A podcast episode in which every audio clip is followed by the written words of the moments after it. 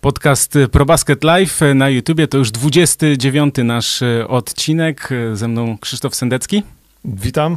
Ja się nazywam Michał Pacuda i zapraszamy na nasze studio o NBA, ale nie tylko, na żywo na YouTubie, a do odsłuchania także, do obejrzenia oczywiście mm, później w powtórce, a na, do odsłuchania będzie także na SoundCloudzie, na Spotify'u i na podcastach e, Apple, y, o czym dzisiaj porozmawiamy, bo do rozpoczęcia sezonu jeszcze 12 dni. Przypominamy, że w poprzednim y, podcaście rozmawialiśmy, podsumowywaliśmy transfery mm, NBA, natomiast no teraz też mamy do podsumowania, co prawda jeden y, duży transfer, kolejny inny transfer także, który zapewne się wydarzy, bo mówimy o transferze, który się dokonał, a więc Russell Westbrook za Johna Walla.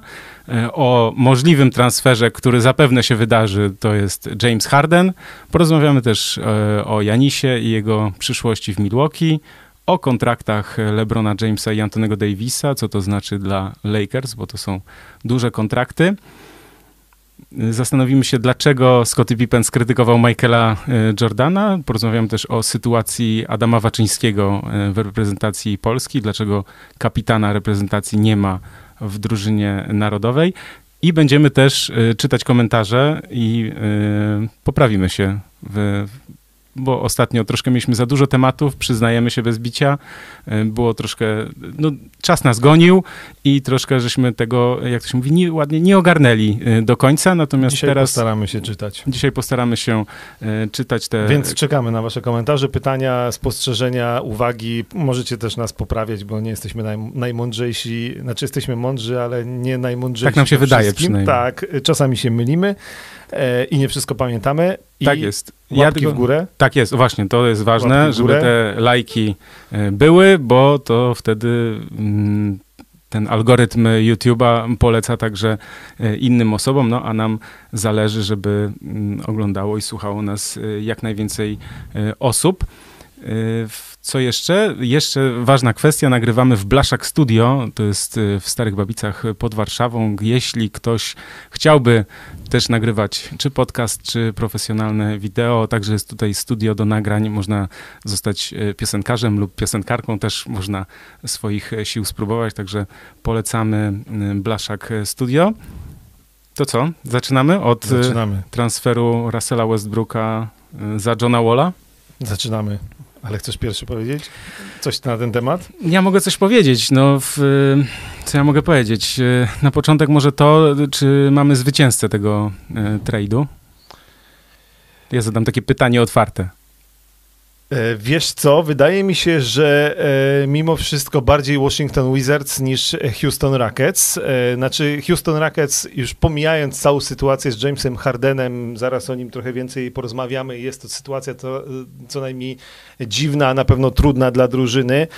To, no to najprościej chyba powtórzyć to, z czym większość się zgadza i ja też się zgadzam, że skoro nie udało się zdobyć mistrzostwa Jamesowi Hardenowi z Chrisem Polem, nie udało się z Russellem Westbrookiem, to dlaczego miałoby się udać z Johnem Wallem? Ja też w to nie wierzę.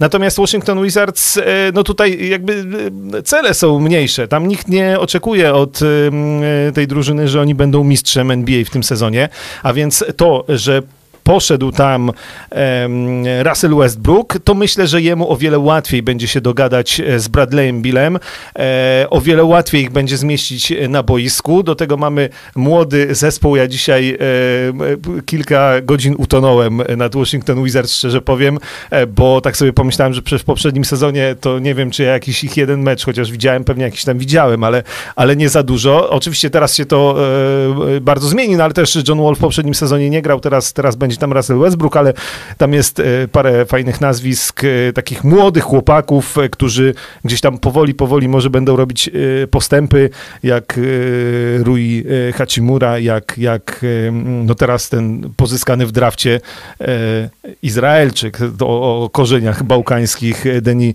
Avgia. No, to są goście, to są dzieciaki tak naprawdę, które gdzieś tam przy Russellu Westbrooku e, myślę, że mogą, będą mogły się uczyć. Bradley Bill znowu nie zostanie All-Starem, bo e, nie ma meczu gwiazd e, w tym sezonie. Musi znowu poczekać. Natomiast, natomiast Washington Wizards, jeśli wejdą do playoffów na wschodzie, a to jest bardzo możliwe, jak tam się wszystko poukłada, to już to będzie mm, e, niezły wynik. Natomiast Houston Rockets, jeszcze nie wiemy, czy z Jamesem Hardenem, czy z kimś zamiast Jamesa Hardena. Jeśli nie zdobędą mistrzostwa, no to już będzie porażka. E, I, i dlatego wydaje mi się, że, że generalnie to Washington Wizards zrobili e, niezły deal, też pamiętając o, o całej historii Johna Walla, który też ostatecznie tak naprawdę niczego wielkiego nie wygrał. E, były lepsze momenty razem chociażby z Marcinem Gortatem wtedy jeszcze w składzie Wizards, e, ale jednak daleko od tego topu e, wschodu, mimo wszystko na przestrzeni lat, a jednak wielkie były oczekiwania. Wiemy, że John Wall ostatnio przede wszystkim też problemy ze zdrowiem, tak? ta kontuzja, no przecież on tak naprawdę dwa lata nie grał, więc to, to też jest zagadka, jak John Wall tak naprawdę po prostu koszykarsko zafunkcjonuje mm. w Houston Rockets, więc, więc tak, Wizards i Russell Westbrook, który może dostaje po prostu nową szansę, żeby udowodnić, że jest naprawdę gościem na poziomie MVP, e, gościem, który potrafi poprowadzić razem z Bradleyem Billem, któremu też będzie bardzo zależało na tym, żeby, żeby Wizards po prostu wygrywali e, mecze. E, I, I to może się w Waszyngtonie, w Waszyngtonie udać. Na pewno wydaje mi się o wiele bardziej to jest możliwe niż że się uda w Houston Rockets. Tak, więc przypomnijmy, że John Wall nie grał od 26 grudnia 2018 roku, a więc prawie dwa lata nie grał w NBA. To jest dla zawodnika mm, bardzo długo. Yy, on też wraca po kontuzji zerwanego ścięgna Achillesa, więc to też jest yy, taka kontuzja przy graczu, który do, mm, który bazuje na dynamice, na szybkości, to jest y, też zagadka, czy on będzie w stanie wrócić do, do dawnej y, formy. Mm, w Houston Rockets to jest ciekawe, bo wiemy, że nowy trener, nowy GM, y, wszystko tam zmieniają. Przyszedł DeMarcus Cousins i Christian Wood, więc to jest dwóch graczy, więc już nie będzie grania PJ Tuckerem na centrze, tylko będzie Cousins, który chce znów y, pokazać, że jednak jest w stanie grać na wysokim poziomie. Wiemy też, że on miał sporo problemów y, ze zdrowiem, y, ale jest na pewno bardzo zmotywowany. On chyba grał z Wallem razem nie wiem, czy nie w, w koledżu, czy...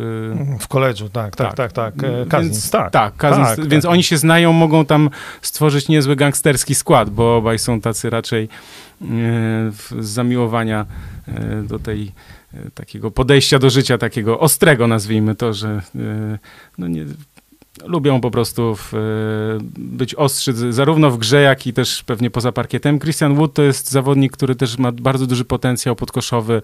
Grał w Detroit świetnie tam, kiedy Blake'a Griffina zabrakło w pewnym momencie, no to on był objawieniem.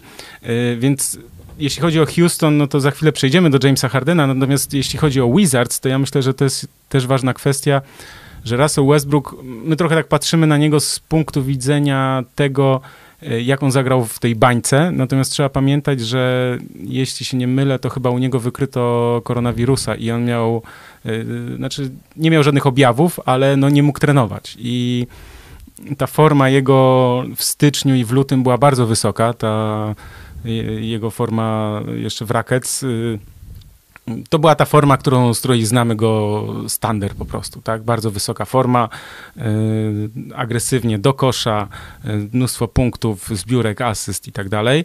Troszkę nie mógł się odnaleźć w tym systemie gry, no bo jednak miał dużo też czystych pozycji za trzy, a wiemy, że on nie rzuca za trzy. Teraz zupełnie inna dla niego sytuacja, bo to on będzie dominował na piłce, a Bradley Bill będzie czekał po prostu na podanie. Tam jest jeszcze Davis Bertans, który też... Nieźle rzuca za trzy. Rzuca za trzy bardzo dobrze i też dostał właśnie za to też e, nagrodę, czyli e, długo, wieloletni kontrakt za chyba 80 milionów, więc e, to też jest wartościowy gracz. Więc ja myślę, że Wizards na tym mm, wygrali, bo wiedzą, kogo biorą, Wschód jest słabszy, mimo wszystko jednak. E, poza tymi czołowymi drużynami, to tam jest po prostu miejsce na to, żeby, żeby walczyć o te playoffy. I wiesz, no Russell Westbrook jest e, typem gościa, który bardzo chce grać o najwyższe cele i daje z siebie wszystko. Podobno na pierwszy trening przed dwie godziny wcześniej dał sygnał. Wiesz, to jest tak, że... To jest zupełnie co innego niż w Houston się w tej chwili yy, Tak, dzieje z tak. Jamesem Hardenem, tak, gdzie... tak, tak. E, dobra, za chwilę o nim porozmawiamy, tylko to ja zerkam na komentarze. E, no to tak jak mówimy, tutaj Marcin Pankowski e, pisze o kontuzji, o kontuzji Walla, o tym, że nie grał i że na ósemkę na wschodzie Russell Westbrook grający na 100% wystarczy. Zgadzamy się. Ja, ja bym Washington Wizards widział, widział w ósemce. Paul George na 5 lat w Clips, to tak, to tutaj nam też y, jakiś fan Los Angeles Clippers widzę e, podrzuca, widzieliśmy e, tuż właściwie przed e, wejściem do studia. Czy my chcemy coś o tym powiedzieć? No, słuchajcie, no, zostaje w Clippers, dostał ogromną kwotę, tam ponad 200 milionów, tak, więc jakby... yy, Ja się trochę już obawiam, bo ja mm, nie wiem, to też na ile to jest e,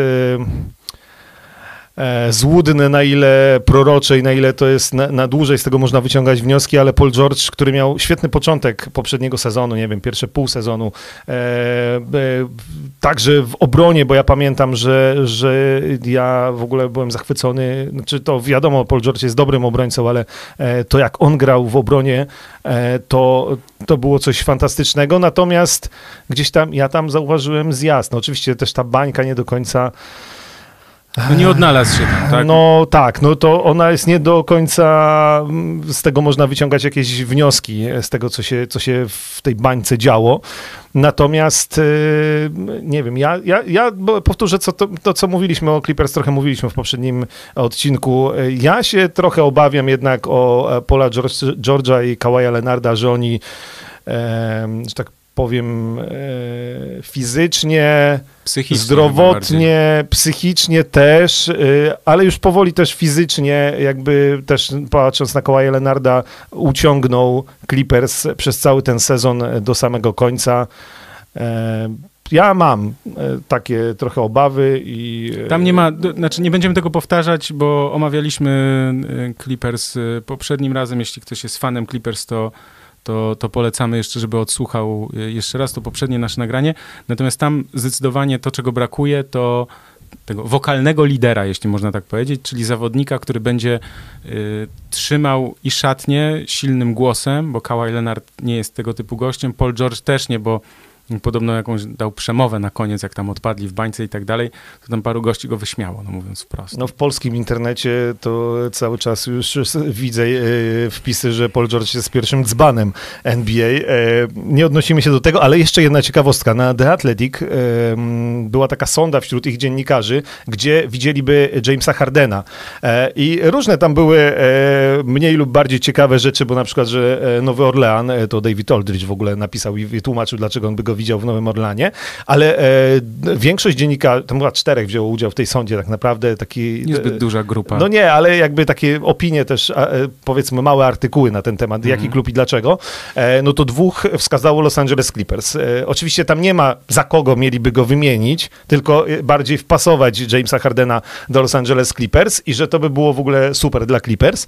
E, Natomiast, e, natomiast e, no, e, zostawmy to. Mi też się wydaje, że tam trochę nie ma lidera. Teraz też w sumie to, co Paul George tam opowiada po- w mediach e, na temat e, do Riversa, e, że, on, że to jego wina, że, że przegrali z Nuggets, że nic nie zmieniał, że taktycznie leży w ogóle. Nie, no, jakby... Ja też czytałem na temat Paula George'a też taką historię, jak to on w Indianie y, odszedł, w sensie za, zażądał transferu, potem podpisał Stander, a, a po roku powiedział, że też chce, chce odejść i y, no tak y, można powiedzieć y, pewnego rodzaju jakaś niestabilność u niego tutaj jest y, emocjonalna. Może jednak w Los Angeles mu się tak podoba, że, że zamierza tam zostać na dłużej. Y, Chociaż zobaczymy, co zrobi Kawhi Leonard, bo jeśli Paul George zostaje, to Kawhi Leonard może za rok być y, wolnym agentem. Jak ten sezon się nie ułoży, to, to po prostu y, Kawhi Leonard odejdzie i Paul George zostanie, no, no nie wiem, kogoś będzie rekrutował, tak, m, do, do, do Clippers, bo wtedy będą mieli miejsce na podpisanie innej gwiazdy. Natomiast no ja sobie nie wyobrażam y, tutaj Tomi Nowy mówi, y, pisze, że skoro PG podpisał Maxa, to może teraz wymiana za Jamesa Hardena. To chyba jest mało prawdopodobne, y, natomiast y, teraz to ja nie wiem, co jest prawdopodobne. Dobra, zaraz przejdziemy do Jamesa Hardena i tego, co jest prawdopodobne i co najbardziej w tej chwili. Natomiast jeszcze tu, żebyśmy nie przegapili Karola Małajszczaka, bo o Chicago Bulls to nie mówiliśmy w tamtym tygodniu nic i czy widzimy jakąś szansę dla Chicago Bulls. No więc ja powiem, znaczy szanse na playoffy ja w tym sezonie nie widzę, bo wydaje mi się, że wschód jest e, troszeczkę inny i jednak trochę mocniejszy niż w poprzednim sezonie, a Chicago Bulls oczywiście fajnie, że przybudowało górę, e, mają e, nowego trenera, mają Karnisowasza, który no widać, że będzie zmieniał tę drużynę i wreszcie Chicago Bulls będzie się budowało e, przez najbliższe lata, natomiast na razie no to próbujemy znowu e, to, co nie wyszło w tamtym sezonie, czyli e, Lawin, Markanen jako, jako liderzy, oni zostają w drużynie jest tam paru, paru innych zawodników, natomiast, natomiast no właściwie to została praktycznie ta sama, ta sama drużyna, oto Porter, Satorański, Valentine, e, Tadeusz Young, no to, to, są, to są wszyscy goście, których, e, których w poprzednim sezonie oglądaliśmy. Jeśli Markanen będzie zdrowy i będzie grał na miarę swojego talentu, jeśli Lawin okaże się prawdziwym liderem, jeśli paru innych zawodników zrobi postęp, no to walka o playoffy, no może, może, ale, ale szczerze dzisiaj sobie tak myślałem nad ósemką wschodu i Chicago Bulls nijak mi się tam nie mieści, bo... To jest trudne być kibicem Chicago Bulls od wielu lat jest po prostu trudne. Natomiast y, no, Satorański to jest gracz, którego ja jestem fanem i Tadeusz, Tadeusz, Tadeusz Young też jest y, dobrym graczem. Lawin no, miał te przebłyski o, niesamowite, natomiast no, tam wiemy, że organizacja, Chicago, jako, Chicago Bulls jako organizacja nie funkcjonowali najlepiej. Tam były te zamieszania i z trenerem, z GM-em i tak dalej, i tak dalej. Nadzieja Bulls moim zdaniem jest taka, że jeśli Markanen wypali, zapali na takim poziomie, na jaki wydawało się jeszcze dwa lata temu, że go stać, bo ja myślałem, że ten poprzedni sezon to będzie po prostu eksplozja jego formy. Coś jak Luka Doncic, powiedzmy. Tak, tak, tak. To jest wielki chłop, niesamowicie silny, ogromny talent, natomiast coś tam się zacięło, coś nie wyszło w, w jego grze w, w, tym poprzednim sezonie. On teraz ma ostatni sezon, y, ja szybko tutaj odpaliłem y, listę płac Chicago Bulls i, i, wychodzi na to, że, że Mark Cannon będzie po tym sezonie będzie wolnym agentem, więc nie, nie ma co ukrywać, jest to dosyć silna motywacja dla niego, aby być y, w jak najlepszej formie w tym sezonie. Miał dużo bardzo czasu na przygotowanie się, no bo Chicago nie grało w bańce. Więc y, tutaj no, cała nadzieja w Markanenie, tak trochę powiem, jeśli chodzi o Chicago Bulls. Natomiast mam duże wątpliwości. Wydaje mi się, że niestety playoffów z tego nie będzie. E, tak. Na zachodzie po Lakers, Denver i Portland. E, Lakers, Denver i Portland będą mocni. To Paweł Pawlak, to my się zgadzamy. E, I chyba już możemy przejść do Jamesa e, Hardena i całej tej dramy, która się odbywa. James Harden jest już w Houston. James Harden e, przeszedł badania na koronawirusa, e, izoluje się. E, teoretycznie powinien dołączyć niedługo do drużyny, ale pewnie w pierwszym meczu przedsezonowym go nie zobaczymy.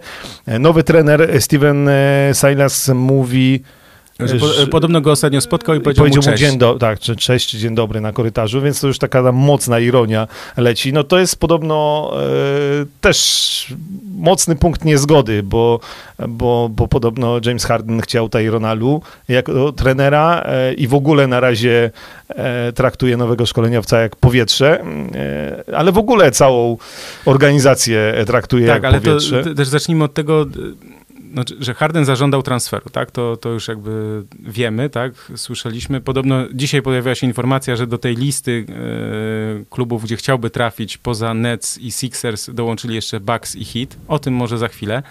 Natomiast Samo zachowanie Hardena jest y, dla mnie dziwne i trochę nie przystoi profesjonalistom. On wrzuca jakieś głupie minki na Instagrama, jakąś taką tam emo, emoto ikonkę y, wrzucił, w sensie tam jakiegoś tam głupia mina y, i wszyscy się zastanawiają, co to znaczy.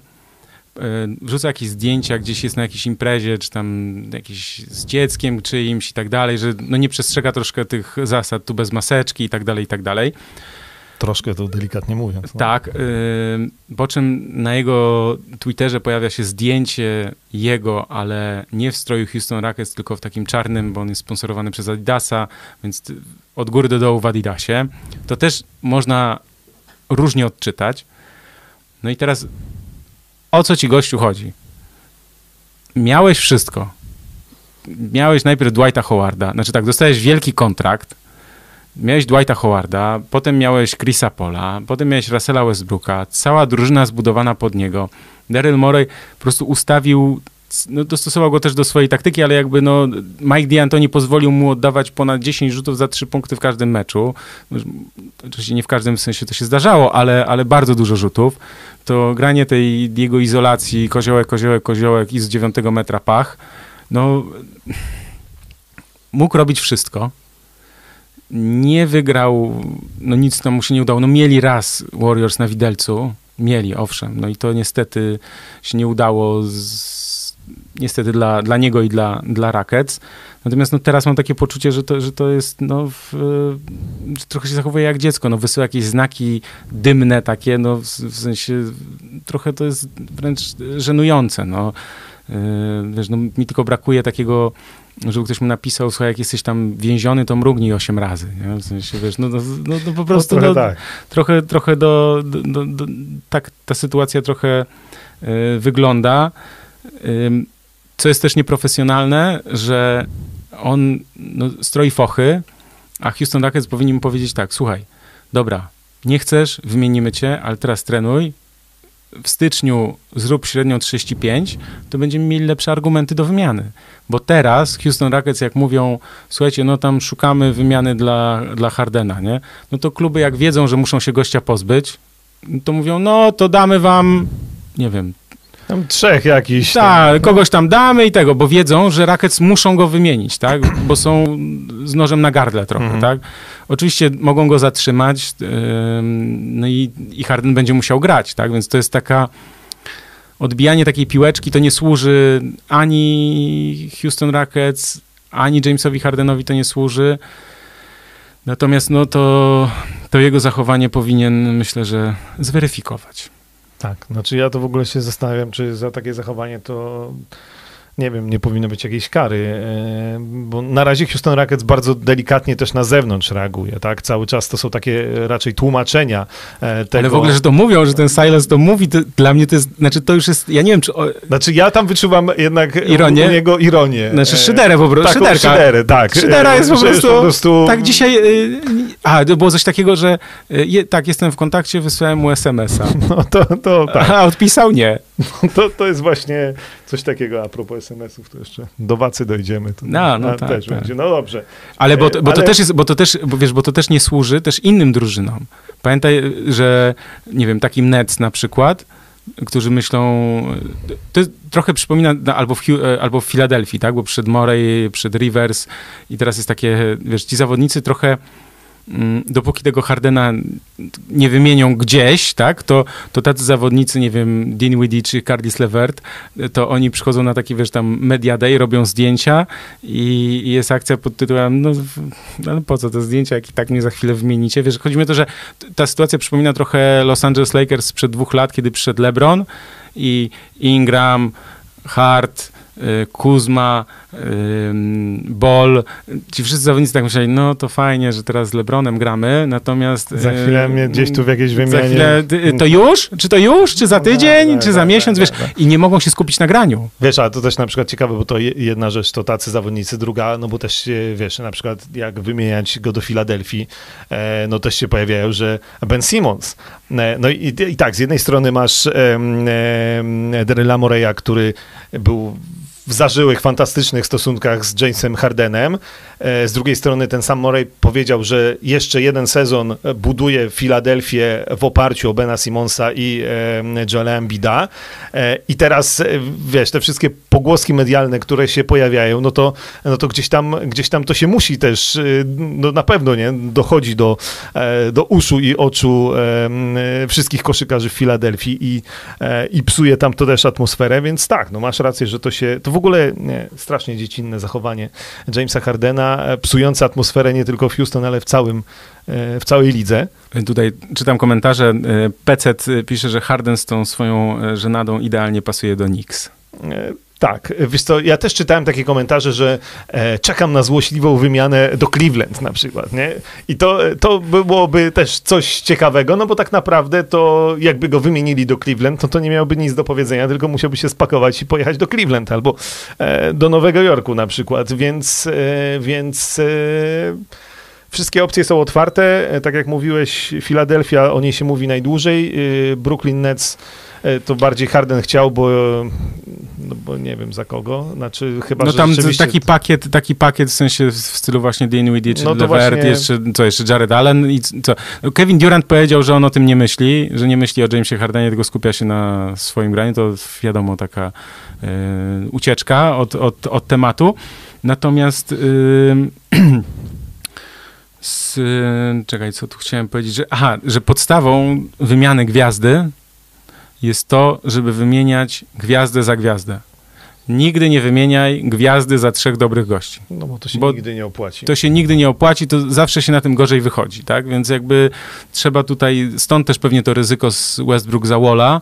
Y, Houston, Houston Rockets y, takie ryzyko podjęli, bo jednak jest nadzieja, czy jest szansa na to, że Wall, słuchaj, no być może będzie nadal w wysokiej formie. No, tego, tego nie wiemy, tak? To znaczy w, życzymy, życzymy tego Johnowi y, Wallowi, no.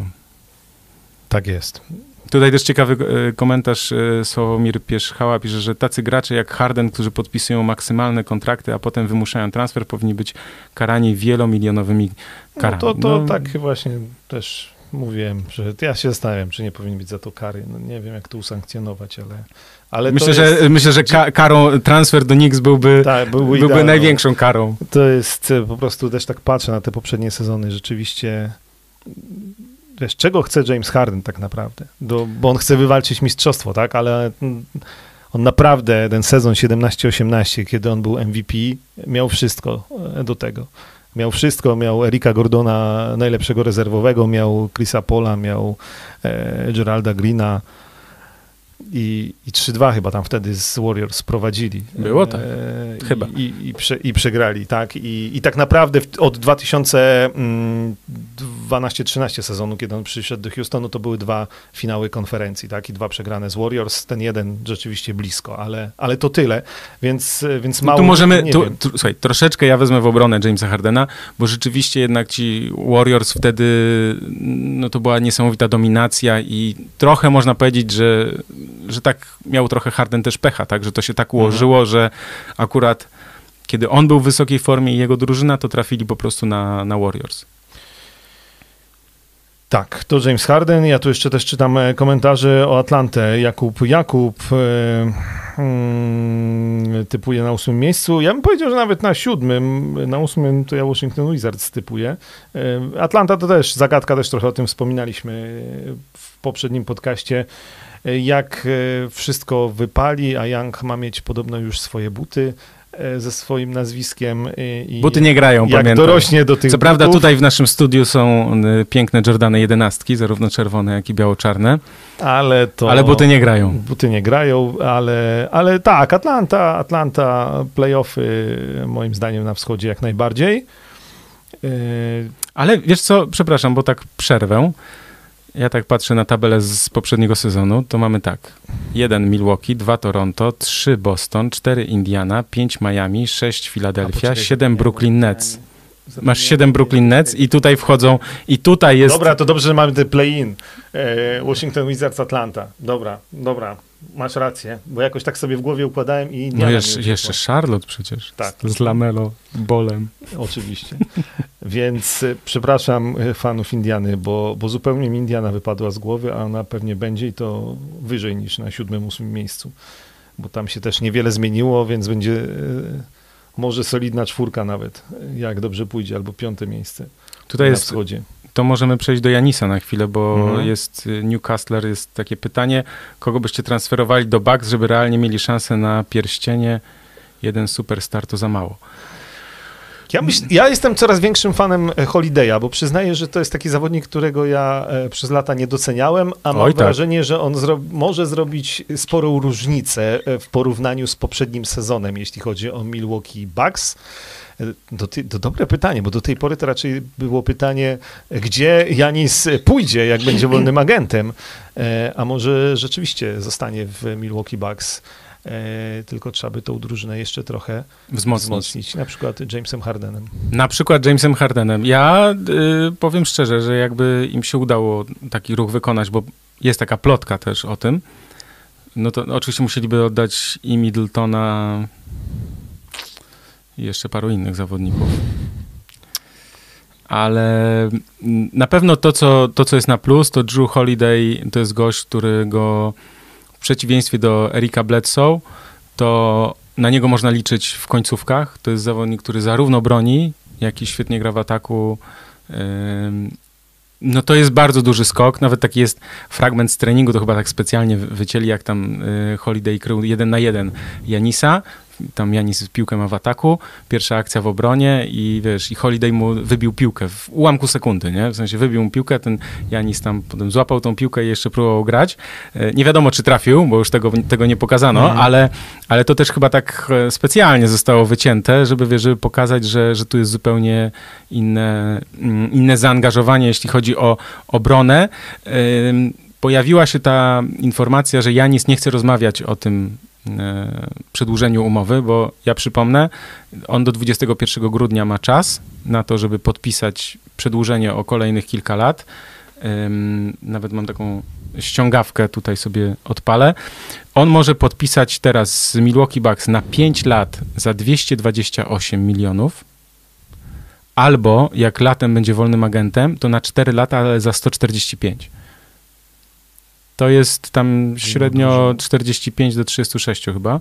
Mhm. Mm, więc yy, nie, to jest troszkę inaczej. Yy, to trzeba by podzielić jeszcze sobie tutaj i dokładnie to policzyć, bo to jest inny wskaźnik yy, tutaj mam na, na tym wykresie. Natomiast no, nie da się ukryć, że Janis mówi o tym, że dla niego najważniejsze jest mistrzostwo. I że nieważne jest tak naprawdę pieniądze, że nie są, nie są ważne.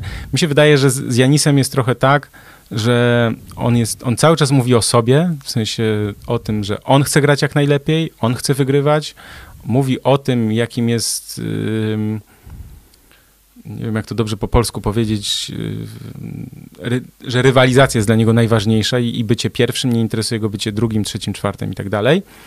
Więc y, tu jest, y, on też nie jest Amerykaninem, a więc nie ma takiego, co jest też, to jest ważne, tak, bo nie ma takiego, mm, takiej myśli, że on na przykład może chcieć grać, nie wiem, w swoim rodzinnym mieście, albo z jakiegoś powodu na przykład w Los Angeles, bo tam coś i tak dalej, że dla niego najważniejsza jest drużyna i gra o mistrzostwo.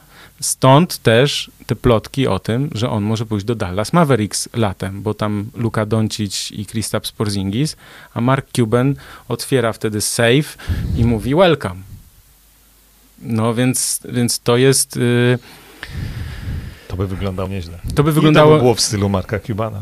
Dokładnie. Natomiast ja, bo to jak się przeczyta jego wypowiedź, to można ją zrozumieć dwuznacznie. Natomiast ja, jak widziałem nagranie z tym, jak on mówił, że zostawia to agentowi, właścicielowi Bucks i tak dalej, to to już wyglądało zupełnie inaczej. W tym sensie, że on mówił jakby spokojnie, spokojnie, nie ma jakby, nie siejcie paniki, mamy jeszcze dużo czasu, do, do 21 grudnia jest jeszcze mnóstwo czasu i tak dalej, i tak dalej.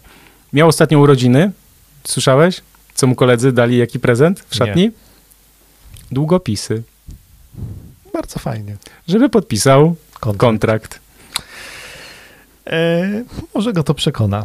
E, ja jestem ciekaw. To naprawdę, no to o tym to jeszcze będziemy mówić mnóstwo razy, czy, czy Janis podpisze, czy nie podpisze, czy odejdzie, czy zostanie i też e, będziemy patrzeć na te starania Milwaukee Bucks, kogo oni mogą, kogo oni mogą tutaj e, przyciągnąć. E, też jestem ciekaw, jak to wypadnie w tej chwili, w tym sezonie z Holidayem. Czy, znaczy, tak naprawdę do playoffów musimy poczekać, bo w sezonie zasadniczym to jestem dziwnie spokojny o Milwaukee Bucks tylko, tylko, tylko te playoffy później e, robią się problematyczne.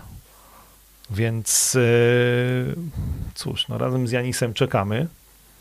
E, najpierw obsceniczny kontrakt za obsceniczną grę, a teraz obsceniczne zachowanie, nawet się to jakoś trzyma kupy w przypadku Hardena. To Krzysztof Sienkiewicz.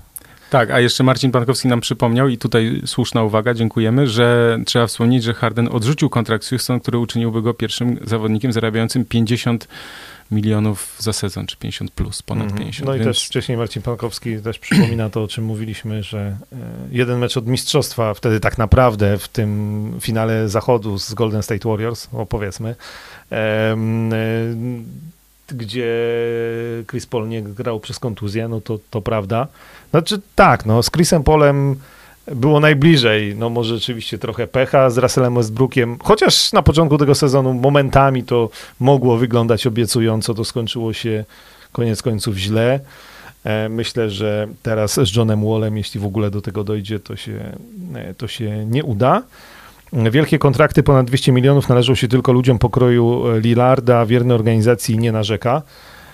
Ja lubię, szanuję bardzo Damiana Lillarda. E, wspaniały gracz i rzeczywiście wygląda na to, że będzie grał w Portland, ale co do mm, tym wiernym organizacji, to już trochę niestety od tego odeszliśmy. To piękne historie graczy, którzy przez cały e, przez całą karierę grają w jednym klubie, ale coraz mniej z różnych powodów, nie tylko pieniędzy, e, coraz rzadziej się zdarzają. Natomiast to mi przypomniało jeszcze odnośnie a nie, do Los Angeles Lakers nie, nie doszliśmy jeszcze. Jeszcze to za chwilkę. Nie, natomiast, za na, natomiast rzeczywiście, no z Lillardem to jest yy, no fajna historia w tym sensie, że on jest wierny Blazers, że nie narzeka, że cały czas skupia się na sobie. Ja też szanuję Lillarda za to, że że on też nie robi wokół siebie takiej szopki na zasadzie takiej, że wiesz, potrenował 5 minut, wrzucił 10 filmików na, wiesz, na jakiegoś Instagrama czy gdzieś, tak? Tylko on, bo tam nawet mu zarzucili, y, to chyba było rok temu czy dwa lata temu, że ej, co robisz, w sensie, bo nie widzimy, pewnie nic nie robisz, tam powinien się przygotowywać do sezonu, nie? I on w tym momencie nagrał taki filmik, nie wiem, czy pamiętasz to, on się przebrał za, y, za jakiegoś gościa, jakiś tam od tego lakrosu, coś tam od baseballa założył, w sensie tam jakieś wygłupy robił, w sensie i tak dalej, żeby pokazać pokazać, no tak, ciężko trenuje, natomiast wygłupiał się totalnie, mm. więc też taki luz i dystans jest, jest ważny. Y, jeśli jeszcze chodzi o Milwaukee, no to no kontrakt Chrisa Middletona trzeba by po prostu y, spuścić y, w, te, w takim przypadku takiego transferu, no i jeszcze ktoś musiałby do tego dojść, tak, bo Middleton ma 35 milionów dolarów, teraz 33, a potem jeszcze, no, potem 35, 38 i 40, także to, to jest też pytanie, czy ktoś by chciał Chrisa Middletona za takie pieniądze, bo to jest dobry gracz, bardzo dobry gracz, ale to nie jest nie wiem, pierwsza dziesiątka NBA. Myślałem, że no. powiesz All-Star. Nie, nie, no, nie, bo to jest zawsze Chris Middleton grał w meczu gwiazd, a Bradley Bill nie grał. Jeszcze. No dobrze, ale Trey Young też grał w meczu gwiazd, to jest, wiesz, no troszeczkę jednak lekką przesadą. Przy, przypomniał mi tu Paweł M., że Janis nie ma, ma jeden defekt, nie ma rzutu. No, powiedzmy, że jest coraz lepiej z tym rzutem. E, są w lidze, mimo lepsi MVP w lidze. I to mi przypomniało a propos Jamesa Hardena. Przecież James Harden też miał e, wypowiedzi w stylu, że Janis nie zasługuje przecież a na właśnie, MVP. przecież, przecież beef był między nimi. Tak, no przecież a, była historia. To kolego, no to, to, że nie pójdzie jednak do Milwaukee. No, no, wiesz co, no, musieliby się przeprosić. Ja myślę, że to... My, wiesz, wiesz co, to mi dało do myślenia. Myślę, że Janis mógłby nie chcieć Hardena. Że, że no, to byłoby ciekawe, to byłoby ciekawe z punktu widzenia Janisa, czy on by chciał Hardena. To jest ważna kwestia odnośnie Janisa jest to, że on też trochę ma świadomość swoich słabości, czyli tego braku rzutu z dystansu czy z półdystansu, że w tych kluczowych momentach, czyli w końcówkach, trochę jak Shaq, że wiesz, że Shaq zawsze miał obok siebie Dwayna Wade'a, czy Kobiego Bryanta, czy Penny Hardawaya, że, że to, to był typ gościa, który dominował, dominował przez 46 minut, ale w ostatnich dwóch minutach jednak potrzeba było kogoś innego, żeby zdobył te punkty na, no nie wiem, czy na zwycięstwo, czy na dogrywkę, tak? No bo Jak to powiedział ostatnio Kyrie Irving, pierwszy raz gra w życiu z drugim zawodnikiem w zespole, który jest w stanie wziąć odpowiedzialność w ostatnich sekundach i oddać decydujący rzut, to Kevinie Durancie. No i troszeczkę się LeBron James poczuł urażony, zresztą słusznie. No ale Kyrie niedużo, bo w ogóle e, nie będzie rozmawiał z dziennikarzami, e, Kyrie zapowiedział, no ale to akurat zdążył powiedzieć, że e, że Ale a widziałeś reakcję Lebrona? w tym Na, na, w tym wywiadzie takim, co tam siedzą i Whisky sobie- spożywają alkohol. To jest w ogóle jakiś dziwny trend strasznie. Wiesz co, z jednej strony na początku to było fajne, ale z drugiej strony sobie tak myślę, kurczę, że to jest też takie popularyzowanie w sensie alkoholu. Aha. Jest to dla mnie dwuznaczne. No to, to jest trochę tak, wiesz, my byśmy sobie tutaj mm, rozlali szklaneczki, w sensie popijali drinki, gadali. To może byłoby fajne, ale jednak myślę, że, znaczy to byłoby może fajne, bo może byśmy, nie wiem, więcej głupot gadali na przykład, ale jednak ja chyba bym nie chciał tak popularyzować, yy, wiesz, alkoholu. A, a LeBron James mówiący o tequili, zachwycający się tequilą, że on od dłuższego czasu pije, pił wino tylko i tak dalej, a teraz tequila i tak dalej. Ja jest tak myślę tak, gościu, troszkę tak chyba nie do Mhm. końca jako ten wzór młodzieży tutaj pełnisz dobrą rolę. Damian Lillard, jeszcze jeden komentarz. e, Nie ma czasu na głupoty, bo robi rap. E, To też tak a propos wzoru, bo to też jest rap taki, powiedziałbym, e, mainstreamowy. Nie ma tam za bardzo przekleństw, a jest całkiem, całkiem na poziomie, e, da się słuchać Lillarda jakby co. E, Chociaż uważam, że i tak koszykarzem jest lepszym niż raperem. Patrząc na kontrakty Bama w Heat oraz Antonego Davisa i Brona w Lakers, przedłużenie kontraktu w Milwaukee jest przesądzone. Ja bym powiedział, Janisa oczywiście, ja bym powiedział, że ja, ja bym z tym poczekał, czy jest przesądzone, bo ja różne rzeczy w NBA widziałem i wolę, wolę nie mówić, że to już jest przesądzone. Tak jak Adebayo podpisał, to, to rzeczywiście wszyscy orzekli, że na pewno już e, to oznacza, że, że Janis zostaje, ale ja nie powiem, że na pewno zostanie. Jest jeszcze jedna ważna kwestia, tej Tomi Nowy, taki pseudonim. Pisze, a co z Oladipo? Ostatnio plotki o jego transferze uciech, ucichły, a pojawiły się takie, pojawiały się takie, że będzie wymuszał transfer. Myślę, że on nie musi wymuszać transferu, bo on ma ostatni rok e, umowy. I jeśli Pacers wiedzą, że on nie przedłuży z nimi umowy, to znaczy, że, no, że go wytransferują w trakcie, no, albo jeszcze za chwilę, albo, albo, albo w trakcie sezonu. Ym, No to byłoby też ciekawe wzmocnienie dla, dla wielu drużyn. No, on ma teraz w tym sezonie 21 milionów i będzie w następnym sezonie, e, znaczy w- latem będzie, będzie wolnym agentem. To mogło być też solidne wzmocnienie dla wielu klubów, tylko pytanie, komu on byłby potrzebny? Czy byłby potrzebny Milwaukee? Za mały rynek dla Hardena w Wisconsin, napisał Paweł M. Jak, Za mało, jakby, za ryn- mało, za mało klubów, jakby- jakby, barów ze stripteasem. chyba. jakby rynek był ważny, to by poszedł do Nowego Jorku. E, słuchaj, tu To, ja tylko tego No. Oladipo, w sensie to, to myślę, że to jest y, ciekawa kwestia. Ja, ja w tej chwili nie mam trochę pomysłu, gdzie on mógłby pójść, kto mógłby go chcieć. Natomiast rzeczywiście y, dziękuję za przypomnienie, bo to jest gracz, o którym była mowa, że, że on zostanie gdzieś wytransferowany i myślę, że y, że raczej zostanie, tak, znaczy wytransferowany, tylko no, musimy zaczekać na odpowiedni moment. Indiana, się, pewnie, że- Indiana pewnie czeka na telefony. Cieszę się, że mm, wypowiedziałeś się w tym temacie, bo chyba nie mam, bo też nie mam z głowy pomysłu na Oladipo na ten moment. Za to nieco humorystyczne pytanie, czy wybierzecie, wybierzecie się do kina na Space Jam 2? Oczywiście, że tak. Ja No, do kina to akurat nie wiem, czy pójdziemy, bo czy będą otwarte. A może ja myślę, że poczekają z premierą na, na otwarcie kin. E, Na jedynce byliśmy, to było bardzo dawno temu. Bardzo dawno temu byliśmy młodzi, piękni i w ogóle. E, Który to był rok? 90. Ósmy? Dziewiąty? O matko, muszę sprawdzić. Nie wcześniej? Wiem, że 96?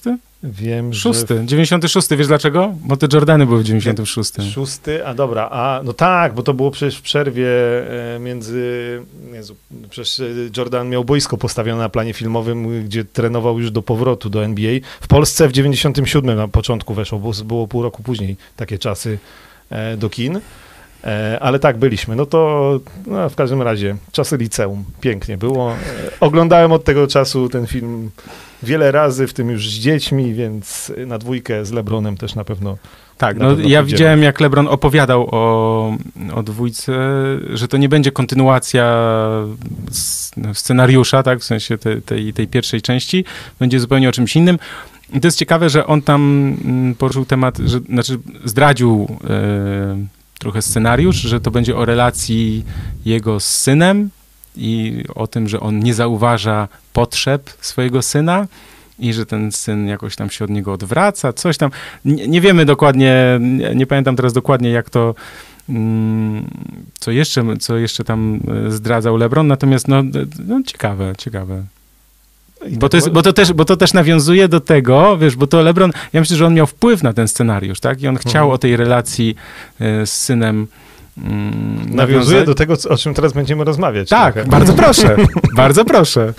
Czyli LeBron James przedłużył kontrakt e, z Los Angeles Lakers, Antony Davis też przedłużył. E, jest w tym wszystkim e, też historia z synem gdzieś tam przez media podchwycona, ale najpierw liczby. Dwa lata i 84 miliony tyle zarobi LeBron. Pięć lat, chociaż ten ostatni rok opcjonalny z opcją zawodnika, czyli po czterech latach może odejść z Los Angeles Antony Davis, 190 milionów za 5 lat. E, I teraz, no dobra, zacznijmy od tej historii z synem, bo jest teoria, że po tych dwóch latach jeśli NBA oczywiście zmieni w międzyczasie e, przepisy, a niby e, spokojnie, komisarz Silver... Spokojnie. Już Lebron, już Lebron, wiesz, on już tam wysyła tak, SMS-y. Czyli żeby po szkole średniej znowu e, koszykarze mogli e, startować w drafcie i jeśli jego syn będzie się na tyle dobrze rozwijał przez te najbliższe lata, żeby rzeczywiście w NBA zagrać, no to jest, jest taka teoria, że LeBron mógłby z synem zagrać. I nawet LeBron mówi, że nie musi koniecznie w jednej drużynie, tylko po prostu przeciwko sobie sobie. Aha, żeby przeciwko zagrać, Żeby tak? po prostu wystąpić. To jest ten następny, no jakby trzeci sezon, licząc od teraz, teoretycznie, kiedy... Kiedy LeBron będzie miał już cztery dychy na karku. Tak, LeBron będzie miał 40 lat, no więc będzie mógł podpisać tak naprawdę jakikolwiek kontrakt. Dziesięciodniowy. E, na przykład. I jeśli jego syn trafi wtedy do NBA, to rzeczywiście Trafi na pewno. Pakiecie, Dobra.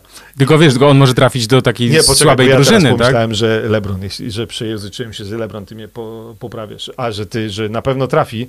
Y, że syn. syn. A ja wcale nie jestem taki pewien. Że na, tak? Na pewno. Teraz on miał 13 lat i tam wsady i no tak wiem, dalej. Teraz jest w tej najlepszej szkole jest, średniej. Jest w tej chwili w, takiej, w takim wieku, wiesz, że najważniejsze rzeczy koszykarsko się będą, będą działy i może się okazać, że jak palenie, jak palenie jointów na przykład. Na przykład on ma pierwszy rok szkoły średniej za sobą, tak, teraz. Wchodził z ławki rezerwowych. No i teraz, no wiesz, no, tak naprawdę co roku musi robić postęp i na koniec szkoły średniej musi być gościem, takim Le Lebronem w tej szkole średniej, tak? E, żeby trafić do Wiesz co, no, po szkole średniej też trafiali tacy goście jak Jonathan Bender, ja pamiętam Jermaine O'Neal, Kwame, Bra Kwame Brown, który go wybrał Michael Jordan do Washington, to o tym zapomnijmy, ale nie no, wiesz, no z tymi genami i jednak predyspozycjami, które teraz pokazuje, to jeśli tam się nie wydarzy nic strasznego w postaci jakiejś bardzo poważnej kontuzji, no to, to chłopak ma papiery na granie. A, a to jest też trochę tak, że wiesz, że ten potencjał też ma duże znaczenie, bo to nie chodzi o to, żeby on był Lebronem w sensie takim jak, żeby tak dominował jak jego ojciec w szkole średniej, tylko chodzi o to, że też, że jego aktualne na, na, ten stan umiejętności oraz predyspozycje jednak genetyczne będą miały ważne, będą miały duże znaczenie dla, dla skautów, no bo jeśli ktoś taki będzie na powiedzmy solidnym, dobrym, wysokim poziomie, nie musi być takim dominatorem, to jednak wiesz, te kolejne 2-3 lata pracy dają taką perspektywę, że to jest gość, którego stać na grę naprawdę na bardzo wysokim poziomie. No i to by była niesamowita historia, bo generalnie ciężko jest y, z ojcami i synami, e, żeby o ile e, są synowie ojców koszykarzy, którzy zostają koszykarzami, to nie zawsze ten poziom jest właśnie kompatybilny. No i pewnie, e, nie wiem, no pewnie świętej pamięci Kobe Bryant przerósł ojca, który też był niezłym zawodnikiem, także w NBA.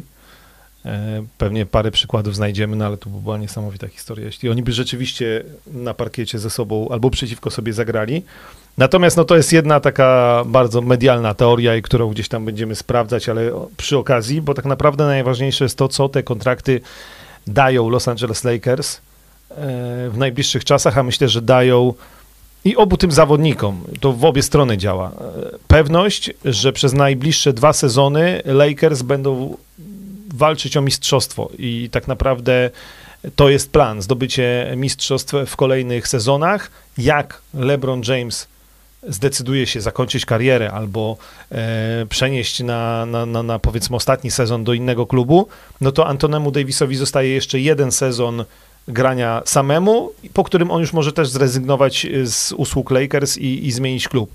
Więc yy, myślę, że no lepszej decyzji tutaj nie można było podjąć, szczególnie patrząc na to, z kim grają, bo ten skład Lakers cały w tym sezonie jest jeszcze mocniejszy niż w poprzednim, to o tym mówiliśmy też w tam poprzednim odcinku, yy, więc pewność dla Lakers, że no, pewności zdobycia pierścieni to nigdy nie ma, ale nie ma, bo musimy pamiętać walki o, tym, o pierścienie. Tak, znaczy tak. musimy pamiętać o tym, jaki to będzie sezon, tak? To znaczy, to będzie bardzo pokręcony sezon, bo ja dzisiaj dostałem maila od NBA, wiesz, NBA do mnie pisze czasami. do spamu wpada. Nie, nie, no do mojej takiej tajnej skrzynki, której nikomu nie podaję, tylko NBA. I kolejnych nowych, znaczy nowe, wykryto nowe zarażenia, wiesz, koronawirusem, tak? Kolejnych ośmiu graczy. Więc y, tu będzie bardzo trudna mm, sytuacja dla, dla NBA, że no będą, będą się borykać z tym, bo też słuchałem jakby porównania do, wiesz, na przykład do NFL, tak, bo w NFL tam grają, nie wiem, raz czy dwa razy w tygodniu, yy, mają bardzo długi, długą ławkę, tam mnóstwo zawodników możesz mieć w składzie i tak dalej, i tak dalej. Natomiast w NBA no jest tych graczy określona liczba yy, i teraz nagle jak ci wypada, nie wiem, pięciu czy siedmiu, no to jesteś, no nie możesz grać, tak? Mecze będą przekładane, albo na przykład, nie wiem, jak ci wypadnie trzech, to, to będziesz przegrywać. Po to też jest to play-in, tak? Więc ten sezon... Po to też jest przerwa na mecz gwiazd, którego nie ma, żeby ewentualnie... No, żeby dograć jakieś tam... dopełnić kalendarz. Tak, tak. I, I też dlatego nie ma terminarza na tą drugą część, tak? Czyli marzec, kwiecień yy, i chyba tam kawałek maja, tak? Żeby właśnie, mhm. no najwyżej się tam gdzieś jeszcze będzie po prostu upychać te mecze, tak? Bo bo to, bo to tak będzie wyglądać. Więc ten sezon, mnie też wiele osób pyta, tak, kto jest faworytem i tak dalej. Ten sezon jest taki no, zupełnie inny, mm, też w przewidywaniach, bo jest jeszcze bardziej nieprzewidywalny. Na papierze, owszem, Los Angeles Lakers są najlepsi w tej chwili, z racji tego, że nie tylko z racji tego, że zdobyli mistrzostwo, ale z racji tego, że zmienili trochę skład, moim zdaniem się wzmocnili, Natomiast no, dużo się może wydarzyć. Ja też mam taką wątpliwość i troszkę się obawiam o zdrowie LeBrona Jamesa, ale nie chcę tutaj odpukam, bo yy, no już lata lecą i, już ta pachwina yy, dała się we znaki, natomiast no, obawiam się, że no musi dojść do tam bardzo dobrego e, load managementu, jak to się nazywa ładnie w NBA, to znaczy no myślę, że LeBron będzie mocno oszczędzany, bo on w tym wywiadzie, o którym mówiliśmy przy, przy Tequili i Winku, to on mówił, że e, no jak tam, tam grałeś w kosza ostatnio? No, mówi, że no tak od tej bańki to dwa razy miał piłkę w rękach. Ale spokojnie, będę gotowy. No tak, ale mają też Lakers z kim grać. E, tak. Jakby LeBron, jeśli będzie sobie odpoczywał, to, e, to będzie e, Harrell z Schroeder z Harrellem będą grali pick and roll i i spokojnie i Antony Davis też pewnie będzie jeszcze sporo grał, chociaż tam też czasami ze zdrowiem są e, drobne problemy, ale to generalnie do wszystkich zastrzeżenie właściwie drużyn, jak wszyscy są zdrowi, to jest ok, jak się pojawiają kontuzji, to so, kontuzje, to są problemy. Z Lakers e, w ogóle a propos dobrej atmosfery w szatni, bo ona tam generalnie jest, to mam wrażenie, że e, to, że z Jaredem Dudleyem przedłużyli kontrakt, to w ogóle był jakiś mega news, po prostu wszyscy się z tego tak cieszyli, a mówimy o gościu, który tam e, będzie siedział daleko na ławce i tak naprawdę ma być mentorem i człowiekiem właśnie od dobrej atmosfery, uwielbiany przez kibic kibiców. Przez Lebrona i przez, przez wszystkich w szatni, tak? tak? Przez wszystkich w szatni, jest... więc to jest fantastyczny zawodnik. Przypominamy, był kiedyś w Polsce z Marcinem na kampach.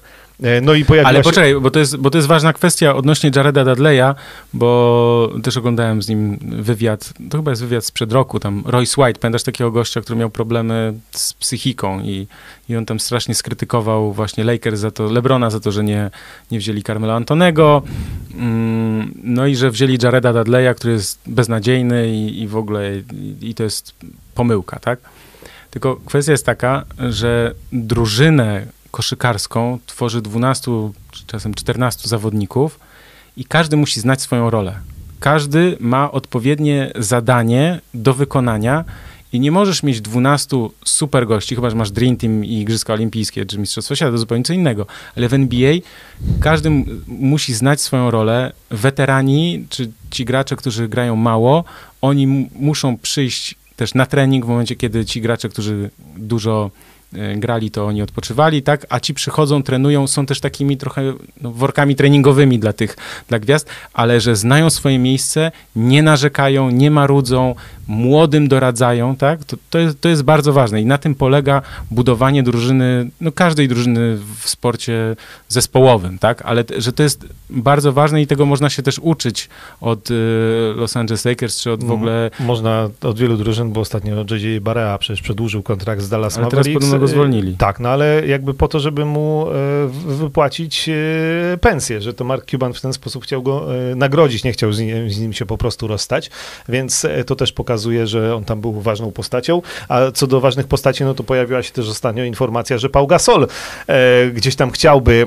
e, wrócić do Lakers, zagrać razem z bratem, powalczyć o jeszcze jeden pierścień. E, Gasol ostatnio długo nie grał i w ogóle no, on ma już czterdziestkę na karku.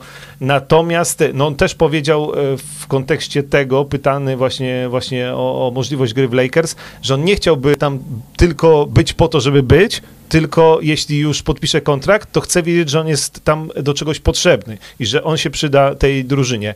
E, więc no, Pau Gasol zdrowy, to myślę, że na parę minut w meczu E, to jeszcze parę fajnych rzeczy e, mógłby, mógłby zrobić. Myślę, że to bardzo dobre też, e, świetna okazja dla Antonego Davisa, tak? Bo zobacz, on będzie tam musiał walczyć i z Markiem Gasolem i wtedy też z Pau Gasolem, też się może sporo nauczyć, więc to też jest, po to się też bierze takich zawodników, tak? E, trochę tutaj mamy pytań o poszczególne kluby.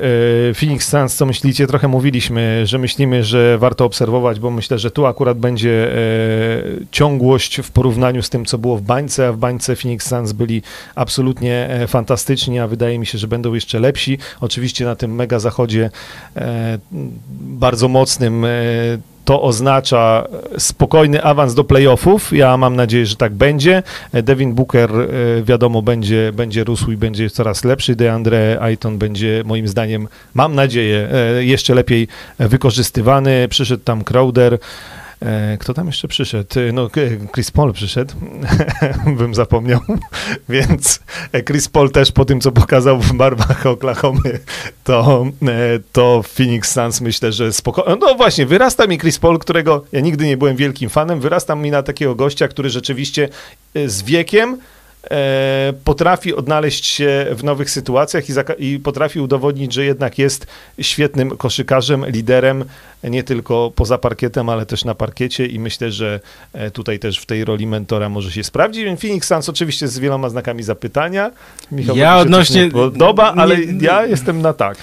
Wiesz co, ja też ja jestem na tak, tylko mam pewne obawy i to mówiliśmy y, słowo klucz z, z poprzedniego nagrania, czyli że Chris Paul nie dowozi, tak? Czyli yy, owszem... No znowu się pojawiło to tak, sformułowanie. Tak, no, no, no, był ten problem wcześniej, tak? To znaczy w, przede wszystkim w Houston Rockets, że... Znaczy że... ja powiedziałem, że to Devin Booker będzie dowoził? Tydzień, ten, Nie, ja mówię, tego? nie, nie, nie, a to tak powiedziałeś? Nie, nie wiem, nie. Nie, mi tylko chodzi się, o to, no. że, że obawiam się tylko, czy na pewno Chris Paul, yy, wiesz, no on też ma już 30 chyba 6 lat będzie miał w tym roku chyba, czy w sensie w przyszłym, czy już ma, yy, więc to też jest ten problem, że on bardzo dużo meczów opuszczał i tu się obawiam, o ile o jego men, men, mentorską taką rolę, tak, natomiast on też jest troszkę jednak dla mnie znakiem zapytania. to w jakiej będzie formie dyspozycji tak. i jak wytrzyma ten sezon. Tak, ale też pamiętajmy, że tam trochę jak w, w przypadku Washington Wizards, y, to nie jest drużyna, która ma zdobyć mistrzostwo, to jest drużyna, która e, jak się zakwalifikuje do playoffów po niezłym sezonie zasadniczym, to już będzie e, bardzo, bardzo fajnie. Jest też pytanie o San Antonio Spurs. No ale e, czy tam się już coś nie skończyło? No, no tak, no skończyło się. W znaczeniu, tutaj też widziałem komentarz, że Greg Popowicz to nie jest ten typ człowieka, który będzie tankował i, i specjalnie przegrywał mecze. E, pewnie tak, natomiast e, no, San Antonio Spurs, Spurs, się nic nie zmieni. No, to jeśli to będą playoffy w przyszłym sezonie, mm, to, to będzie wielki sukces. A myślę, że nie będzie. Tam jest problem taki, że DeMar DeRozan, e, bo rozumiem, że on jakby jest liderem tej drużyny, no to nie jest człowiek, który się nadaje na lidera. To jest człowiek, który można powiedzieć, trochę jest takim e, strzelcem z poprzedniej epoki, czyli on nie ma trójek w ogóle. On e, dobrze rzuca z pół dystansu, ale w obronie to też jest mocno średnio i, i on jak nie ma obok siebie drugiego gościa, który jest w stanie pociągnąć grę, tak jak było z Kylem Lauriem w Toronto Raptors, gdzie to przez jakiś czas tam działało E, nieźle, chociaż nigdy nie skończyło się wielkim sukcesem, to DeMar DeRozan nie jest zawodnikiem, który jest w stanie e, wygrać mecz e, sam, który on nie jest w stanie być, być liderem, no a niestety dookoła niego nie ma ludzi, którzy tak, ale też bardzo ważna kwestia jest taka, że zarówno DeMar DeRozan, jak i LaMarcus Aldridge za rok będą wolnymi agentami, czyli jeśli teraz nie przedłużają umów, to bardzo prawdopodobne, że zostaną mm, w najbliższych tygodniach e, wytransferowani. I tu może, i tu, no to też może być bardzo ciekawy ruch. Mówiło się, że Aldridge ma trafić do Golden State Warriors. E, to byłby też bardzo ciekawy, ciekawy ruch, w sensie na przykład za, za Wisemana. E, nie wiem, na ile to jest możliwe, natomiast myślę, że Spurs należy obserwować pod kątem tego, jakie ruchy wykonają, bo na razie siedzą cicho, tak, nikt o nich nie mówi w ogóle. tak jakby zapomnieli, nie? Praktycznie ten sam skład. Tak jakby zapomnieli wszyscy. Natomiast moim zdaniem może być tak, że, że właśnie mm, że oni tu jeszcze, znaczy będzie jakaś przebudowa i właśnie tylko widzisz, no czy Popowicz Popowicz nie jest w stanie teraz zrobić takich transferów, żeby nie wiem, żeby San Antonio Spurs wymieniając DeRozana i Aldridge'a nagle stali się drużyną, która będzie, nie wiem, walczyła o czwórkę na zachodzie. Bo to nie... Mhm. Więc z drugiej strony ja rozumiem, że może być jednak taki zabieg, że Greg Popowicz też wie, że niedługo będzie kończył karierę trenerską, czy to będzie za rok, dwa, trzy, czy, czy ale czy też nie jest takie pytanie, czy on też nie przygotowuje się do tego, żeby jednak tę drużynę przebudować, to znaczy w tym sensie, że właśnie jednak tego DeRozana i Aldridge'a wymienić za kogoś, kto się, y, kto jest perspektywiczny, tak? Czyli tak jak ten Wiseman z Golden State Warriors na przykład. Mamy tu przypomnienia, kto był lepszy od ojca. Clay Thompson, Kobe Bryant, e, Steph Curry. To, że, ale bycie lepszym od LeBrona Jamesa to uu, odważne zadanie przed dzieciakiem e, tutaj stawiamy. No oczywiście było, było mnóstwo takich. Ja znam też w odwrotną stronę, na przykład w, mm, zawodników, którzy nie dorośli, a próbowali swych sił jako koszykarze i, i nie dorośli do, do roli, znaczy do takiej roli, jak pełnili y, ojcowie. Luke Sigma na przykład, który gra od lat w Europie, w Bundeslidze, jest y, powiedzmy na poziomie europejskim bardzo solidnym zawodnikiem, e, natomiast jego ojciec był kiedyś mistrzem NBA w latach 70., więc to jest mnóstwo takich historii rodzinnych. Mamy, przypominam, e, w tym roku trzy rodzeństwa trzyosobowe, na parkietach NBA w sumie. To, to tu możesz, możesz coś więcej powiedzieć, bo jest też pytanie właśnie o Lamelo. E... O, dobrze tutaj e, jeszcze Marcin Pankowski przypomina, że Doc Rivers i jego syn chociażby. No Doc Rivers był zdecydowanie lepszym zawodnikiem niż... Tak, nie no jest, oczywiście jest mnóstwo takich historii, natomiast e, pewnie, żeby grali ze sobą, to, e, to nie za bardzo.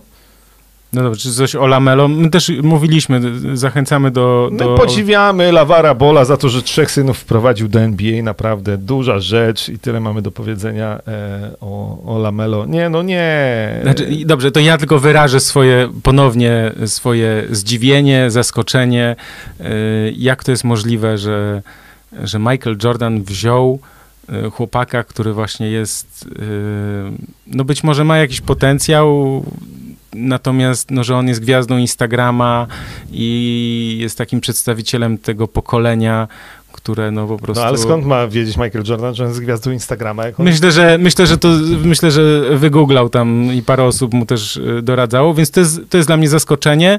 Być może jednak, może się, być może jest tak, że Lamelo Ball ma tak ogromny potencjał, że kurczę, bierzemy go, mimo że jest tam właśnie takim, że może przyćmić troszkę gwiazdę Michaela, bo to też jest ważny aspekt, o którym chyba teraz Tak, tak. chcemy porozmawiać. Wyzwie go na jeden na jeden e, grę i tak dalej. Mm, Mhm.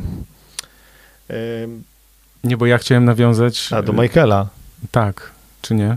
Dobrze. Nie, bo się zapatrzyłem na e, komentarze, że nie przeceniałbym transferów Lakers. Mark Gasol był cieniem siebie w ostatnim sezonie. Spokojnie, Mark Gasol tam nie będzie grał po 40 minut i myślę, że to też mówiliśmy o tym, że z tą inteligencją i tymi rozmiarami, jakie on ma, to naprawdę dla mnie jeden z najbardziej inteligentnych zawodników, y, który jeszcze tam sporo rzeczy y, zrobi i przy którym e, paru rzeczy jeszcze Antony Davis, e, także Montrezl Harrell się nauczą.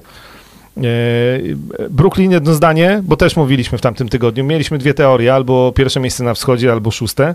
To- nawet siódme. Albo siódme, w zależności czy, czy wypali duo I- Irving-Durant. Mi się wydaje, że może wypalić, jeśli wszyscy będą zdrowi, znaczy jeśli Kyrie będzie zdrowy i Durant będzie w formie bliskiej tej sprzed kontuzji, to, to oczywiście na wschodzie e, Brooklyn powinien wypalić.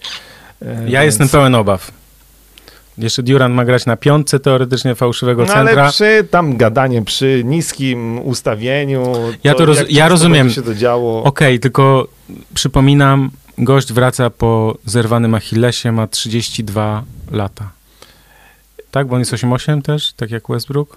Chyba tak. Możliwe, więc y, oczywiście, że y, to jest zagrożenie. Tylko Dominik Wilkins wrócił do swojej wielkiej formy, jeśli chodzi... Tylko oczywiście, no, techno, znaczy technologia, może nie, może nie technologia, medycyna poszła y, bardzo do przodu w tym zakresie rehabilitacji, rekonwalescencji, to, to jest oczywiste. Wiesz co, no ja też pamiętam DeMarcusa Cousinsa, który, który wrócił po, tak? To było tak, że DeMarcus Cousins wrócił po zerwanym Achillesie, po czym zerwał więzadło w kolanie. Clay Thompson zerwał więzadło w kolanie, po czym No, Derrick, podczas powrotu, Tak. poczekaj, podczas powrotu Clay Thompson zer, zerwał Achillesa.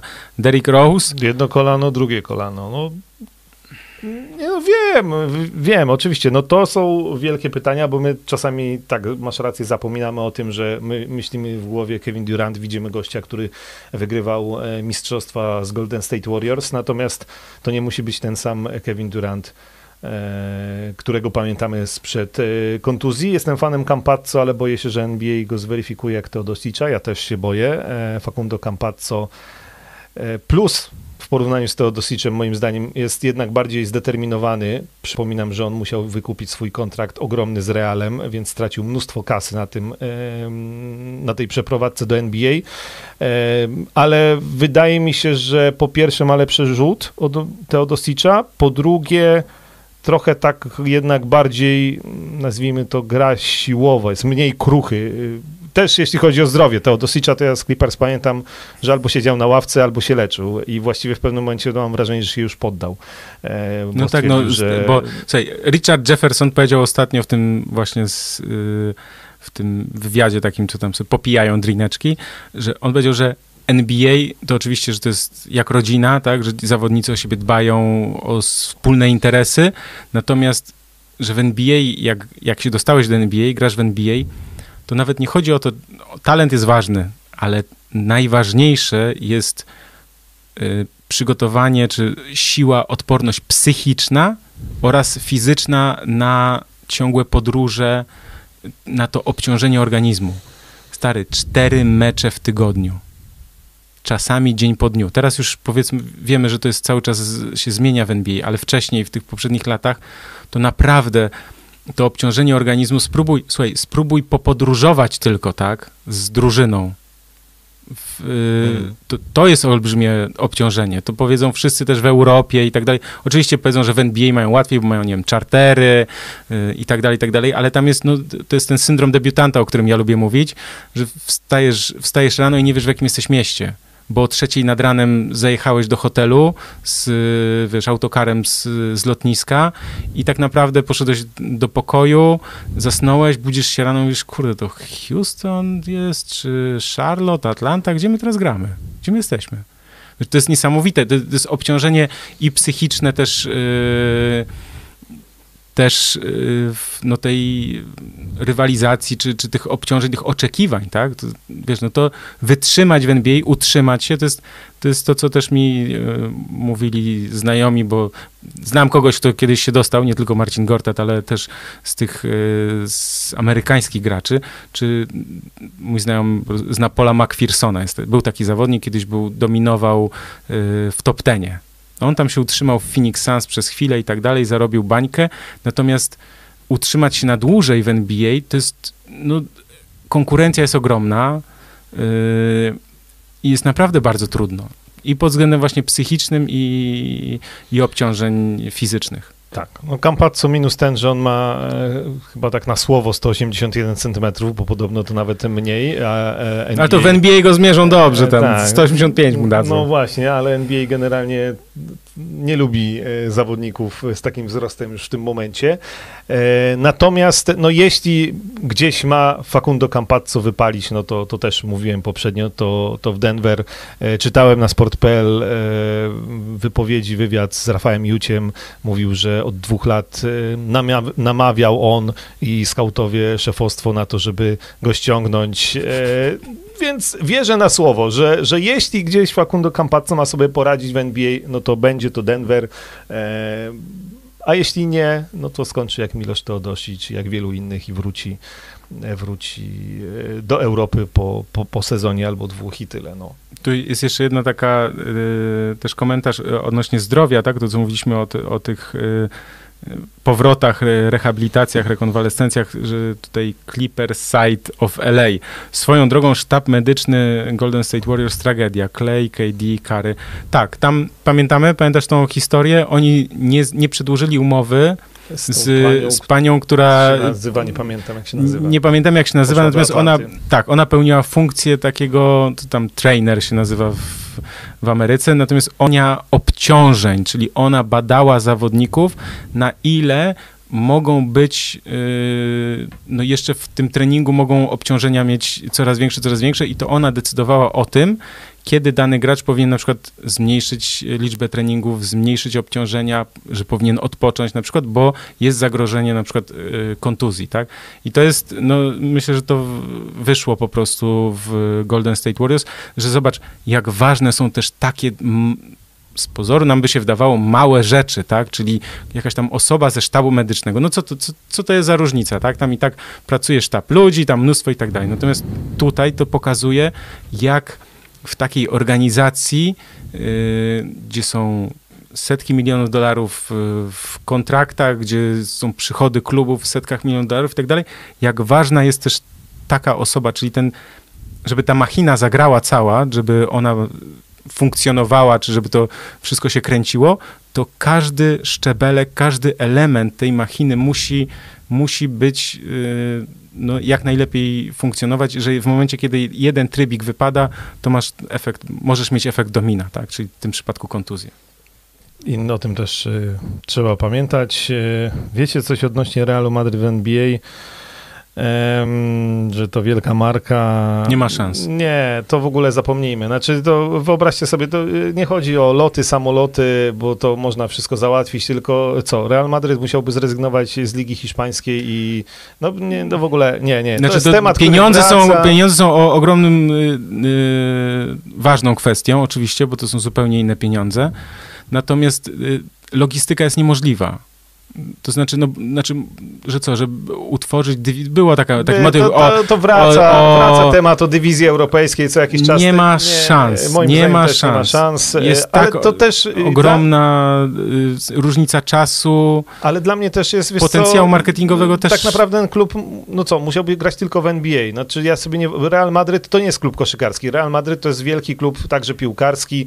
E, On jest w rozgrywkach Ligi Hiszpańskiej. No dobra, Euroligę może opuścić, ale, ale musi grać w Hiszpanii, bo no chyba, że tworzymy zupełnie oddzielny klub. E, Więc nie, nie, nie, nie. To, to w ogóle mm, moim zdaniem to ten temat wraca. Europejskich klubów w NBA co kilka lat się przewija zupełnie rzecz e, Nie no, zobacz, że nawet Nie. w momencie, kiedy oni przyjeżdżają na mecz, nie wiem, w Londynie, to mają jeden mecz w tygodniu, grają tam, nie wiem, w środę czy w czwartek, że potrzebują na przyjazd, na aklimatyzację i tak dalej, i tak dalej. Że I tak, bo ja wiem, bo grałem w fantazy parę razy, zresztą z tobą również, Mhm. właśnie gramy w tym roku, Gramy.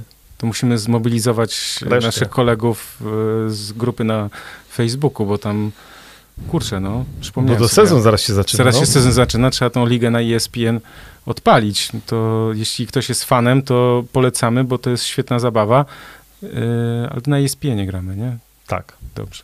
Dobra, to musimy to ogarnąć. To jest y, ta kwestia, o czym mówiłem? E, O lotach. e, No tak, no, a, bo, tak, bo pamiętam, że pamiętam, że, y, że w, w tym terminarzu, jak się patrzyło, ile zawodnik gra spotkań w, w jednym tygodniu, tak? Przeważnie to były trzy albo cztery, rzadko dwa. No to w momencie, kiedy y, pamiętam, że Jonasa Valanciunasa miałem i on grał wtedy jeden mecz w tygodniu, tak? W sensie, bo to był właśnie ten tydzień, kiedy, kiedy grali w Europie, więc nie ma szans. Nie ma szans. E, Przypomniało mi się jeszcze coś. z- Michael Jordan i Scottie Pippen. Tak, z- Michael Jordan i Scottie Pippen już, tylko jedna rzecz, bo a propos komentarzy, a taki komentarz, który mnie rozbawił na Twitterze, ale to a propos jeszcze Jamesa Hardena, bo e, napisałem, gdzie James Harden mógłby trafić i Przemek Loński odpisał Anvil i oczywiście to się e, bardzo uradowało wiele osób, więc e, zapo- zapomniałem o tym przy tej dyskusji o Jamesie Hardenie, ale Anvil Włosławek jako kierunek Jamesa Hardena, mhm. to też a propos Europej- połączeń Europy z NBA, haha. E, Michael Jordan, Scottie Pippen. A więc tak, Scottie Pippen udzielił wywiadu The Guardian. The Guardian Poważnej gazecie. poważnej, angielskiej, a w Portalowi, Anglii za bardzo się e, koszykówką nie interesuje, o NBA trochę. No, w każdym razie różne tam rzeczy e, powiedział e, na różne tematy. Oczywiście wszystkie media pociągnęły jeden wątek i jedno pytanie właściwie o Ostatni Taniec, Last Dance serial, bo Scottie Pippen chodziły słuchy, że jest nie do końca zadowolony z tego, jak został tam przedstawiony. No i został o to zapytany i powiedział, że powiedział Michaelowi Jordanowi, że jest niezadowolony z tego, jak Michael Jordan, no, czy tam firma producencka należąca do Jordana, która odpowiadała za produkcję tego serialu, go w tym serialu przedstawiła. E, Na co odpowiedział Michael Jordan, okej, masz rację. I to wszystko. I na tym się skończyła rozmowa, więc to sobie pogadali. To też była Pawła Szańskiego y, komentarz to był na, na Twitterze. Rzeczywiście można było się spodziewać trochę więcej y, argumentów z jednej i z drugiej strony po dwóch gościach, którzy tyle razem przeżyli. No więc ca, ca, cały, cały Michael. No ale Wrzuciłem na czat, jeśli ktoś chciałby przeczytać tam właśnie wypowiedź, to, to wrzuciłem ten news y, z wypowiedziami właśnie Pippena odnośnie The Last Dance, więc jest na czacie y, link, a jeśli ktoś słucha, to na probaskecie jest jeszcze dosyć wysoko, więc na pewno się znajdzie. tak, chodziło wracając do Last Dance oczywiście o to, że tam Jordan powiedział, że on nie rozumie jak Pippen mógł opuścić e, taką część tego sezonu z powodu kontuzji. E, no i generalnie tą krytykę wokół zachowania Scottiego Pippena przy tym ostatnim sezonie. E, Tak, ale to, ale to też chodziło Bulls. o to, że y, za, on zarzucił Michaelowi, że mm, ten film, tak, no, ten dokument był tak naprawdę no, taką gloryfikacją Michaela Jordana. A tak? nie Chicago Bulls. a nie Chicago Bulls, nie całej drużyny, nie tego, jak oni zdobyli przecież y, sześć mistrzostw, że, naj, że są najlepszą drużyną w historii i tak dalej, że za mało, cza, za mało miejsca i czasu było poświęcone tym zawodnikom, którzy, którzy odegrali ważną rolę. Natomiast ja mam taką uwagę, w sensie ja uwielbiam Scottiego Pippena, zwłaszcza teraz, wcześniej go też bardzo lubiłem jako zawodnika, teraz on bardzo fajne ma, ciekawe, mądre y, komentarze, czy w The Jump na ESPN-ie, więc bardzo miło się go słucha, taki głos rozsądku w twoim domu, natomiast słuchajcie, Scottie Pippen był zawsze drugi. On był świetnym zawodnikiem, bez niego Michael Jordan pewnie nie zdobyłby tylu tytułów i tak dalej, natomiast no, całe życie ciągle drugi, jak Adam Miałczyński trochę. Trochę tak. Ale A to wiesz, bo to, śmiesznego. tak, bo to jest, drugim. No. bo to jest py- też pytanie, czy widziałeś Scottiego Pippena, który oddawał, y, za, grając razem z Michaelem, oddawał rzut na, na przykład na zwycięstwo. Nie, no to ja widziałem Scottiego Pippena, który się obraził grając bez Michaela, bo Kukoc oddawał, no więc yy, nie, no, no tak, oczywiście, Słuchaj, że no tak. Pippen, Pippen, no nie wiem, ja nie pamiętam, Pippen chyba nigdy nie oddawał rzutu na, na zwycięstwo czy na dogrywkę, natomiast takie rzuty wykonywali czy Steve Kerr, czy John Paxson. Więc to jest też no, wa- ważna kwestia, tak? Ja myślę, że... mm, Bo zaraz nam się tu dyskusja zacznie.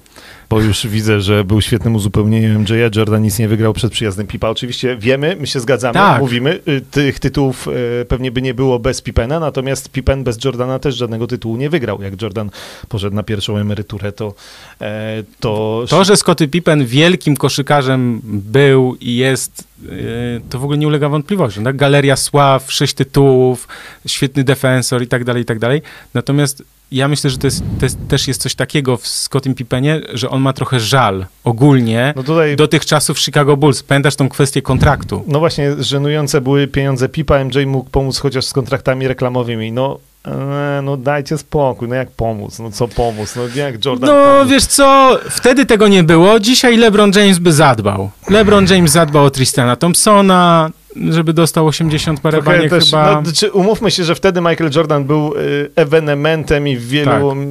y, momentach, także jeśli mowa o sportingu, o marketingu sportowym, e, człowiekiem, który robi pewne rzeczy pierwszy raz, znaczy i zarabia wielkie pieniądze na tym. Też trochę inne czasy. Co do samego kontraktu, no to wiem, jaka była sytuacja, no ale Pippen trochę jest sam sobie winny, że podpisał e, wieloletni kontrakt, e, a te kontrakty wtedy także dzięki jego i przede wszystkim Michaela Jordana świetnej grze i dzięki temu, że NBA się rozrastała, właściwie rok po roku rosły dla nowych zawodników, y, no, jakieś kosmiczne pieniądze się pojawiały, a Pippen cały czas był z tym swoim starym kontraktem. No z drugiej strony oczywiście Jerry Krause musiał, mógł mu zaproponować nowy kontrakt. y, Ale on mu powiedział, nie podpisuj tego. no, Zaczekaj no, jeszcze, no albo jakby- podpisz krótszy i za chwilę nie, podpiszemy nie wiem, większy. ten, no. bo nie wyjdziemy do północy, jak zaczniemy o tym dyskutować, bo o Jordanie e, i Pippenie i Chicago Bulls to my możemy bardzo długo. Dziś- Konkluzja, konkluzja jest taka... Zawodników, A. wtedy warunki ustalali właściciele. No tak, patrząc na Hardena i na Pippena, e, porównanie, to, to rzeczywiście e, tak, tak to wygląda, no, że, że wtedy nieważne NBA dopiero się rozwijała, tak? Ten rynek zawodników dopiero powstawał. Przecież o co były te lokauty, tak? Przecież by, były po drodze jeszcze dwa lokauty yy, od tych lat 90., tak? Pod koniec lat 90., potem jeszcze parę lat później też był, bo chodziło o to właśnie, że zawodnicy negocjowali dla siebie pieniądze, o swoją rolę, o to, jaki mają wpływ, żeby po prostu kluby się i NBA też dzieliła, żeby oni nie byli zwykłymi pracownikami, tylko że oni chcą też tego uznania i, i bycia gwiazdami. Natomiast Scottie Pippen swoje zarobił. I w Houston, i w Portland. Tak, Także ostatecznie zarobił. na chleb z e, masełkiem starczy. Tak, y, ale tu jeszcze, że mógł Jordan zejść z 10 milionów ze swojego kontraktu, no ale to też jest pytanie, czy Nike chciałoby em, oddać te pieniądze a Pippena, bo podejrzewam, że jednak e, w Michaela Jordana e, pakowanie pieniędzy po prostu się opłacało, a w Pippena może już nie aż tak bardzo, bo myślę, Chociaż że... miał, pamiętasz takie czerwone buty? e, Pipeny, ja- tak były. Te Nike czerwone. e, No były. No na meczu były, gwiazd były, wystąpił były w Nike. 94, kiedy Tak, Jordana no ale, nie było. ale wiesz, no też wiemy, że wielu było, było koszykarzy, pamiętasz, że Patrick Ewing miał swoje buty na przykład, no i kto pamięta o butach Patricka Ewinga, no to już w ogóle historia e, butów, a w Jordanach, patrząc po twojej koszulce i mojej bluzie i po butach, e, wszyscy dalej e, chcą chodzić i chcą grać, chociaż większość tych trochę młodszych od nas to już nie pamięta Jordana jak grał, a Ale nadal a w butach buty, chodzi. Oczywiście i, i tak, 10 milionów z kontraktu z Chicago, no, no, możemy dyskutować, czy... Wiesz co, to jest zawsze... Przepraszam, bo tutaj dotknąłem mikrofonu. To jest zawsze... O tym, tak naprawdę o tych pieniądzach w sensie dla zawodników, to by trzeba porozmawiać z, z kilkoma zawodnikami NBA, żeby oni nam wytłumaczyli ich podejście, bo zwróć uwagę, że tak, Kobe Bryant miał do końca kariery ogromną garzę, Michael Jordan w Chicago też, yy, te LeBron teraz, tak, ogromne pieniądze. I tu powstaje też takie pytanie, mm, czy oni by nie mogli, na przykład nie mogli zejść trochę niżej ze swoich kontraktów w tych ostatnich latach, no żeby drużyna mogła podpisać kogoś innego i wtedy byliby lepsi, tak?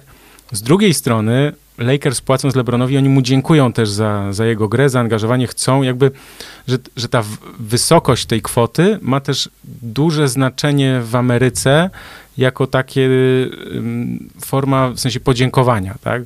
Zwróć uwagę, że jeden z niewielu zawodników, który poszedł taki ukłon w stronę klubu, był y, Dirk Nowicki.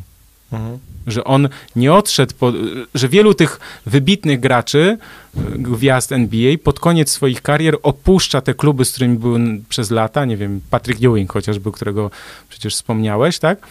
No bo, no bo już zespół nie, nie chce budować wokół niego, więc go gdzieś, żeby nie, nie, nie płacić mu ogromnych pieniędzy i tak dalej, że pewnie zawodnik się nie zgodzi na mniejsze i tak dalej. Więc jakby tu jest, no to jest taka kwestia skomplikowana, której ja też trochę nie rozumiem, bo wiesz, no to jest takie pytanie, jaka jest różnica między 100 a 110 milionów dolarów? No, dla, dla nas żadna, bo nigdy w życiu nie widzieliśmy takich pieniędzy. Tak, znaczy, wiesz, no, dla, oczywiście w teorii jest ogromna, tak, ale za obie te kwoty ty i następne pokolenie możecie nic nie robić do końca życia, tak? Wiesz, no, więc pytanie jest zawsze o ten kontrakt Janisa, tak? To też jest ta, ta kwestia.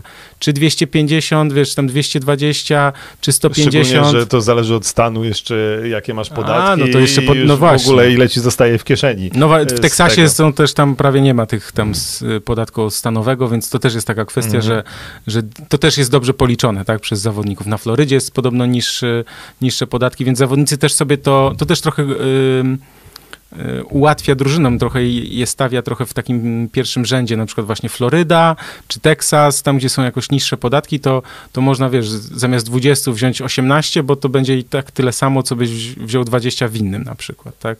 To jest, słuchajcie, to jest kwestia bardzo skomplikowana. Czy pamiętamy Ola Żułona? E, no oczywiście, w Raptors. No tak, no to to jest kolejny przykład. Dziękuję A, no, za przypomnienie. O Jezus Maria. W Raptors. Ja, no ja takich rzeczy już nawet nie pamiętałem, tak? Ja Karla Malona pamiętam e, w Lakers.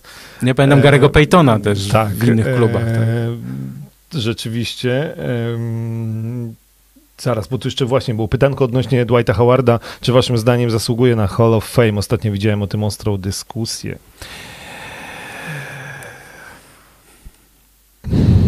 Tak. Tak. No dobra, no tak, no. Znaczy nie wiem. Nie, no słuchaj, no zasługuje. Znaczy, wydaje, no. Mi się, wydaje mi się, że już y, gorszych zawodników widziałem w Hall of Fame. I tak, no mistrzem jest, co prawda, e, jako nie, nie jako pierwszoplanowa postać, ale umówmy się, no ten Dwight Howard sprzed dekady z Orlando Magic, który był absolutnie postrachem w obronie pod, pod obręczą oraz dominatorem, może nie na miarę Szaka Onila, ale momentami e, naprawdę, naprawdę gościem, który robił co chciał e, pod koszem, w trochę jeszcze innej jednak koszykówce z nie tyloma rzutami za trzy punkty, no to, e, to, to tak, to ja pamiętam to Orlando Magic z... Król zbiórek Król Pięciokro, pięciokrotny król zbiórek, dwukrotny król bloków, yy, najlepszy, najlepiej, najskuteczniejszy, przecież też e, znakomity obrońca, więc... No tak, no po, tak. Obroń... Oczywiście, że nie, że nie w Hall of Fame, że nie wiem, nie w pierwszej pięćdziesiątce zawodników w historii, ale, ale że... No, ale myślę, że takie wyróżnienie, to... wiesz, no trochę za całokształt, tak? Bo to się, bo to się tam jednak trafia za całokształt, za całą karierę, więc moim zdaniem to jest, to był znakomity, wybitny gracz, dominator podkoszowy. Pamiętamy go z Orlando, pamiętamy jak Marcin Gortat grał y, jako jego zmiennik i, i Dwight Howard był wtedy dominatorem i to nie było przez chwilę, tak? To znaczy, to nie był jeden sezon wystrzał, tylko w tych sezonów w Orlando on rozegrał 8, z czego myślę, że spokojnie można powiedzieć, że 6 to było takiej naprawdę no, dominacji podkoszowej. Tak, czyli tak. Czyli generalnie odpowiedź. Musiałem chwilę, musiałem chwilę pomyśleć, ale rzeczywiście te mm, zdecydowanie bardziej mnie czasy Orlando Magic przekonują e, do tego, żeby Howard był w mm, galerii sław niż pierścień z Lakers, ale niech to będzie jako jakieś tam uzupełnienie. E, ha, mamy lepsze pytanie. Wasze top 3 zawodników obecnych teraz w lidze. Widziałem. o, Melo, to ja my pomyślimy, ja odpowiem na następne pytanie, czy Melo w Hall of, Hall of Fame, myślałem, że La Melo, to by było prościej. E, Melo. Carmelo Antony. Ja myślę, że za całokształt tak. Tak, tak. tak. tak. Też znowu sobie musimy przypomnieć yy, New York Knicks, wcześniej Denver Nuggets. Denver Nuggets przede On wszystkim. nie zdobył no. mistrzostwa, ale myślę, że to też nie jest wyznacznikiem. E, nie mo- to, że to nie może być nie, wyznacznikiem. Tym, nie, to nie tak. Nie może być wyznacznikiem, nie jest wyznacznikiem. Melo jak najbardziej yy, też w Hall of Fame. Mm, dobrze. Trzech zawodników. Poczekaj, bo, bo z tym Melo to to jest tak jak Tracy McGrady, tak jak Patrick Ewing, tak jak Carmalon, tak jak John Stockton. To są, to są zawodnicy, którzy byli w czołówce i walczyli o mistrzostwo. Mistrzostwo NBA, sobie, to jest zawsze to pytanie, czyja kariera jest y, więcej warta, nazwijmy to, kto był lepszym zawodnikiem. Nie wiem, Tracy McGrady, który nie zdobył mistrzostwa, czy Sean Livingston, który zdobył te mistrzostwa z Warriors na przykład, tak? No kto był lepszym koszykarzem? No Tracy McGrady był zdecydowanie lepszym mhm. koszykarzem. Natomiast to chodzi o to, żeby uchwycić tych graczy, którzy byli wybitni, ich zespoły wygrywały, walczyły o mistrzostwo, Oczywiście, że czym innym jest to, że jeśli ktoś gra w drużynie, która szoruje po dnie tabeli i rzuca tam po 25 punktów, no to, no to jeśli drużyna nie wygrywa w ogóle, nie ma żadnych przebłysków w sezonie i tak dalej, żadnych, no to trochę jak Joe Johnson na przykład. Pamiętasz Joe Johnsona? Mm. Też wybitny gracz. Phoenix, Atlanta, Brooklyn chyba też tam też był. był. Tak. No. no więc to też jest zawodnik, który też moim zdaniem zasługuje na, na, na galerię sław. Nie wiem, czy akurat on będzie brany pod uwagę. Y, może, może nie. trochę za daleko właśnie, bo właśnie... Ja może, może to jest właśnie za daleko, może tak, to jest właśnie, właśnie ta granica. Tak, jak, nie wiem, Ale Tracy McGrady... no tak. Bo, Carmelo Antony bo to zawsze było gdzieś bicie się w okolicach finału konferencji, tak? E, no to Atlanta mówimy... też tam troszkę gdzieś Atlanta tam... to ja pamiętam zawsze dobrze, dobrze... Dobrze, dobrze, nie najlepiej. Zasadniczym, a później... Bardzo dobrze, trzy minus. E, katastrofa. Dobrze, trzech najlepszych zawodników. E, LeBron James, na pewno. No. Ja powiem, że dla mnie Jason Tatum, o, właśnie mi się tu pojawiło za 4 lata, e, że będzie, bo to jest wcześniej pytanie, kto za 4 lata będzie dominował w lidze. I ja się z tym zgadzam. A to trochę tak, że to, o czym mówiłem poprzednio, Boston Celtics będę oglądał, mhm. E, więc i liczę na to, że Jason Tatum. No i ja muszę powiedzieć, no Luka Doncic, no i, e, i ja nic mi się nie zmieścił. Nie, dobrze, tak, to ja się przy... Nie, to może inaczej, bo ciężko mi będzie wybrać trzech najlepszych. E, to trzech... E, powiedzmy, aha, jeszcze Damian, o matko, jeszcze Damian Lillard, bo miałem powiedzieć, że ulubionych. A, to chciałeś, no, chciałeś na ulubionych przejść, tak? tak? tak chciałeś oszukać, chciałeś oszukać, chciałeś oszukać system, bo pod, pytanie padło czy, trzech najlepszych. To ja ci pomogę. No. Anthony Davis, Nie. Janis Antetokounmpo, no. No i LeBron James. To jest banalne, w sensie to jest, poszedłem trochę sztampą, no. No to niesztampowo ja bym, po, ja bym powiedział Jasona Tatuma, dlatego że go bardzo lubię. I no mam to, nadzieję, to że będzie wielkie. inna kategoria. Fanbase to się nazywa. No to, no to tak, fanbase'em pójdę, e, jego pójdę, Lukę Doncicza i Damiana Lillarda, o. I ja będę miał Lillard, e, Tatum e, i Doncic. To jest moja najlepsza trójka do oglądania dla mnie w tym sezonie, hej. Jeszcze raz kto? Powtórz. No Jason Tatum. Tak. Luka Doncic tak? i Damian Lillard. Okej. Okay. No dobrze. Ale myślałeś, że powiedziałem... Nie, nie, nie, nie, ja, okej. Okay. A jeśli ja miałbym wymienić trzech, których najbardziej lubię, tak, do, do oglądania? Mhm. Mm. Janis, Luka, no i chyba mimo wszystko LeBron. Lebrona i tak będziemy oglądać. No tak. To jest, to, ja, wiesz tak co, przygotuję się, bo muszę się, to, muszę się zastanowić, ale to jest dobre pytanie, żeby sobie y, na przykład następnym razem przygotować trzech zawodników, których lubimy bardzo oglądać, którzy są spoza na przykład pierwszej, nie wiem, dziesiątki czy dwudziestki. Mhm.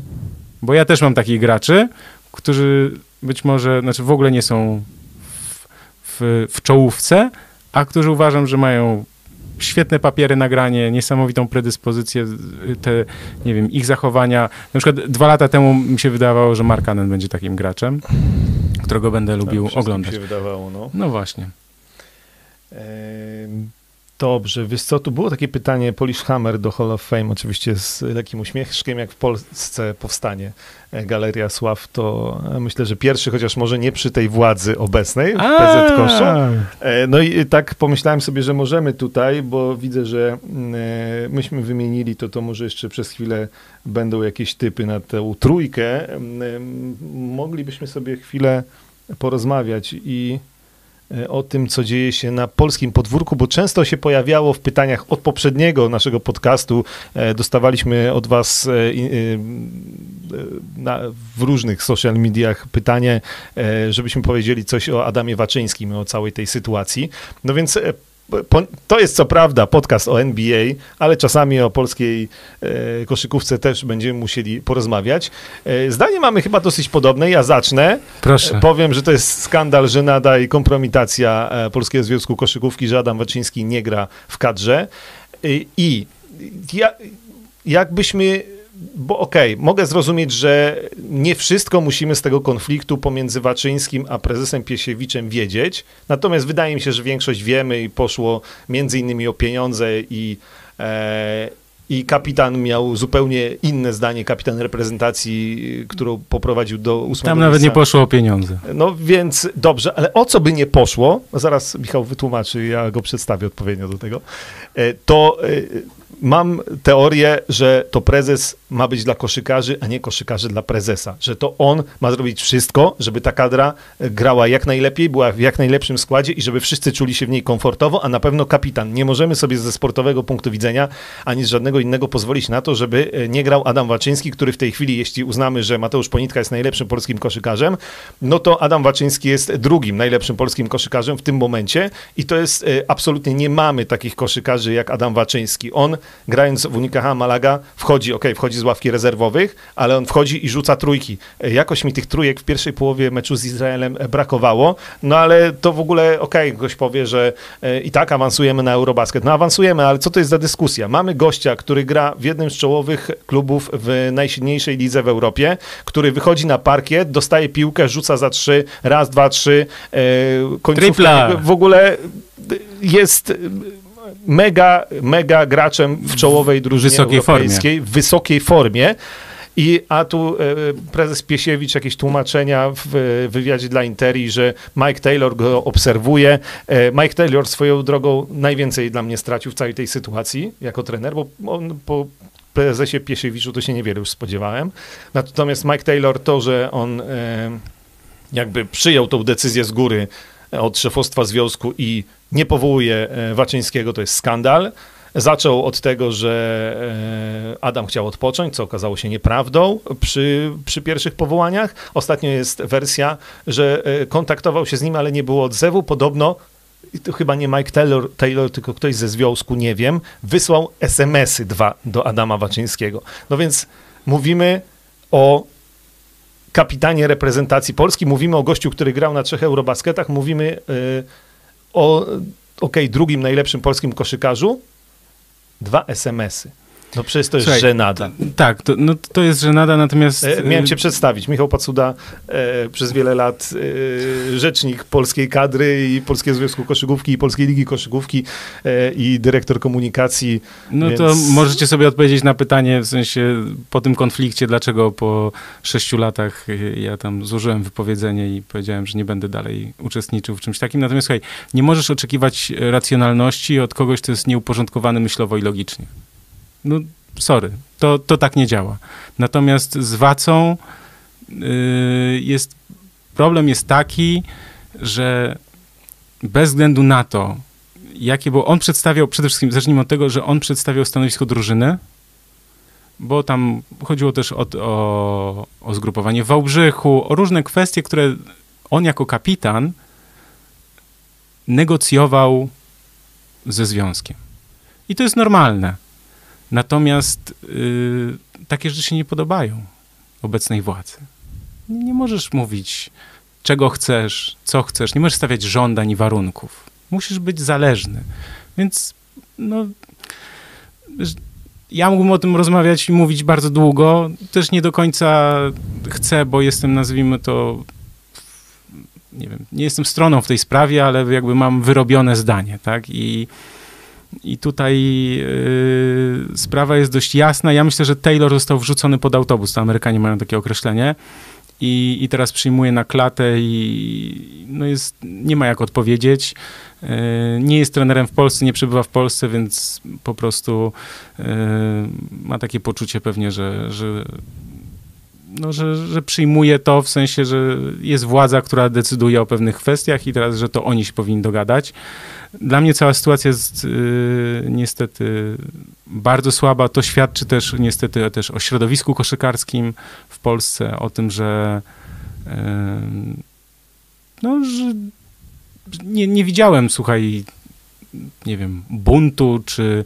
No ale też trochę jest, że świadczy o całej sytuacji w ogóle koszykówki w naszym kraju w tej chwili, że popatrz, jakby się zdarzyło coś takiego, że piłce nożnej. Zbigniew Boniek e, pokłóciłby się z Robertem Lewandowskim i Lewy by nie grał w kadrze, to byś to miał w nagłówkach na, na jedynce we wszystkich mediach, nie tylko sportowych, na wszystkich portalach. No tak, a tu jest rozmydlanie, bo, tutaj... bo może Waca coś powiedział, ta, może ale coś wiesz, tam. Mało, tak naprawdę nie, mało kogo to interesuje, poza kibicami koszykówki, których też ma mamy niewielu. Znaczy, to, to, to, na, też, to też ratuje, nawet... ratuje, w cudzysłowie ratuje też sytuację to, że nie ma kibiców w halach, bo kibice też wyrażają jednoznaczne e, stanowisko i, i mają jednoznaczne zdanie na, na ten temat. Natomiast, słuchaj, no, to, się odbi to się odbija, jakby to jest... Yy, to jest kwintesencja działania, funkcjonowania w ogóle obecnego, obecnej władzy. To znaczy, jest zdziwienie na przykład, dlaczego, jak się ogłasza jakichś tam kolejnych sponsorów i tak dalej, dlaczego nie ma zachwytu. Teraz, teraz będą ubrania, wcześniej były jakieś kolejne y, stacje paliwowe i tak dalej, i tak dalej. Dlaczego nie ma zachwytu nad tym? Dlatego, że jak ktoś jest w ocenie kibiców nieuczciwy, czy kluczy w pewnych kwestiach, czy gdzieś coś zamiata pod dywan, mówi, że przecież, ale jak to ja? Nie, jaki konflikt w ogóle? Ja nie słyszałem, nie znam gościa. Wiesz, no prawie, że te, prawie, że do tego dochodzi, tak? Więc jakby jeśli nie ma, jeśli kibice nie widzą szczerości, yy, nie ufają, nie mają zaufania do uczciwości w działaniu, no to, to, po, to potem to tak wygląda, tak? To znaczy, że powstają grupy, które są w jakimś stopniu zależne i one po prostu się nie odzywają, no a, a cierpi na tym tak naprawdę dyscyplina, bo to jest, to jest kluczowe, tak? To znaczy, że, że przez to cierpi dyscyplina w Polsce też wizerunkowo bardzo mocno, ale też sportowo bardzo mocno. I ten konflikt, to się powinno załatwiać e, w zaciszach gabinetów, telefonem, y, jednym, drugim rozmową, a nie mówieniem, że ja jestem najważniejszy, będzie po mojemu, albo mówieniem jeszcze gorzej, że wszystko jest w porządku, po czym mamy taką, taką a nie inną sytuację. Chyba tego na razie nie zmienimy, e, niestety, e, więc, e, więc tak. No, nasze zdanie o Adamie Waczyńskim i całej aferze wokół niego e, znacie. Mimo wszystko mam nadzieję, że Waca jeszcze, jeszcze w reprezentacji Polski zagra. Powinien. Powinien grać i to w ogóle nie ulega żadnym wątpliwościom.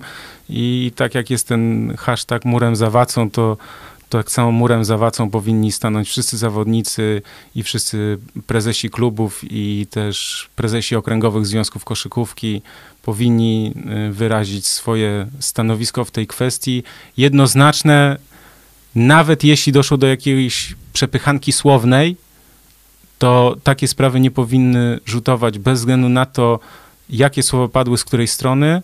Nie powinno to rzutować na całą dyscyplinę, a niestety rzutuje. Dobrze, to ja kończę to jeszcze pytaniem, czy to jest e, najlepsza kadra w historii, ta obecna reprezentacja Polski? No nie, ta z lat 60. była e, moim zdaniem najlepsza. Przypominam, wicemistrzowie Europy, piąte miejsce na Mistrzostwach Świata e, i e, ja się będę tej wersji trzymał. Poza tym, patrząc tak na papierze, to wydaje mi się, że mocniejsza była ta z Maciejem Lampę i Marcinem Gortatem, która tak naprawdę e, na Eurobaskecie w 2013 roku pojechała.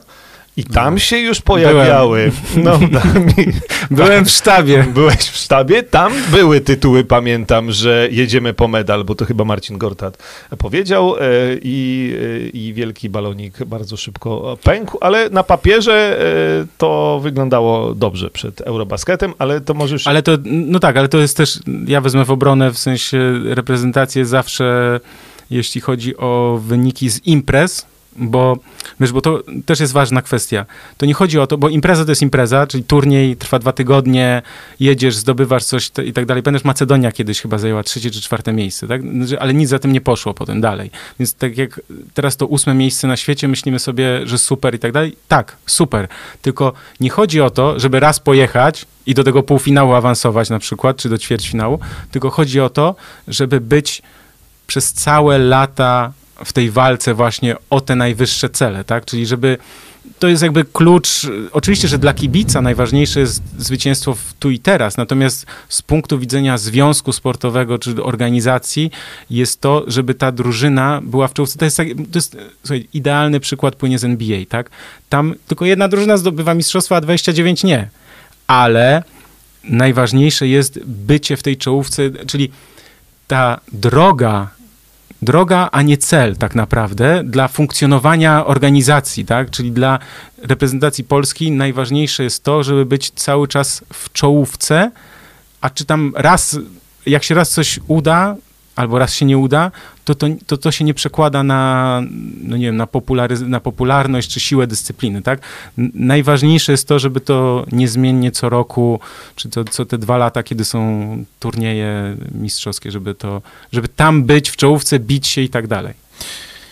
Dobrze. Czy waszym zdaniem zawodnicy z Europy mają trudniej z aklimatyzacją za oceanem, pomijając lukę? No to jak to pomijając lukę? No to on też jest z Europy, chociaż oczywiście... No Ricky Rubio też jest z Europy. E, no to tak. E, cały czas gra, chociaż myślę, że mm, jednak nie na miarę talentu, jakim Ricky Rubio był, pamiętam jak miał 17 lat, bodajże to już grał na Igrzyskach Olimpijskich w reprezentacji Hiszpanii, więc, e, więc może nawet Ricky Rubio mógłby więcej, natomiast no, Ale to też, też siła NBA go zweryfikowała. Tak, to dlatego, Teodosicia też, tak jak powiedziałeś. E, rzeczywiście e, tutaj pisze Marcin Pankowski, e, przygotowanie fizyczne to jest bardzo ważne. Porzingis, Janis, e, tak, no przygotowanie fizyczne i to, że jednak w Europie się jednak gra trochę inaczej. W Europie zupełnie inaczej. Jakby pozycja rozgrywający w Europie, a pozycja rozgrywający w NBA to są w ogóle dwa różne światy, w ogóle zupełnie inna koncepcja gry i ci europejscy rozgrywający odbijają się od NBA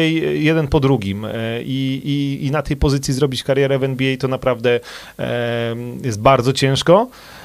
E, natomiast ta europejska koszykówka, no oczywiście, też jest bardziej zespołowa, też jest Ale to, to, to, drużyny, to, jest kwestia ogóle... też y, obrony strefowej, tak? Możliwości w obronie, czyli w Europie to możliwość bycia defensor, gracza obrony w polu trzech sekund, to wymusza zmieniać całkowicie koncepcję i tak dalej. Pamiętamy, ja byłem w 2004 roku na meczach przed Igrzyskami Olimpijskimi, kiedy reprezentacja Stanów Zjednoczonych przyjechała i tam ledwo wygrała sparring y, w Kolonii.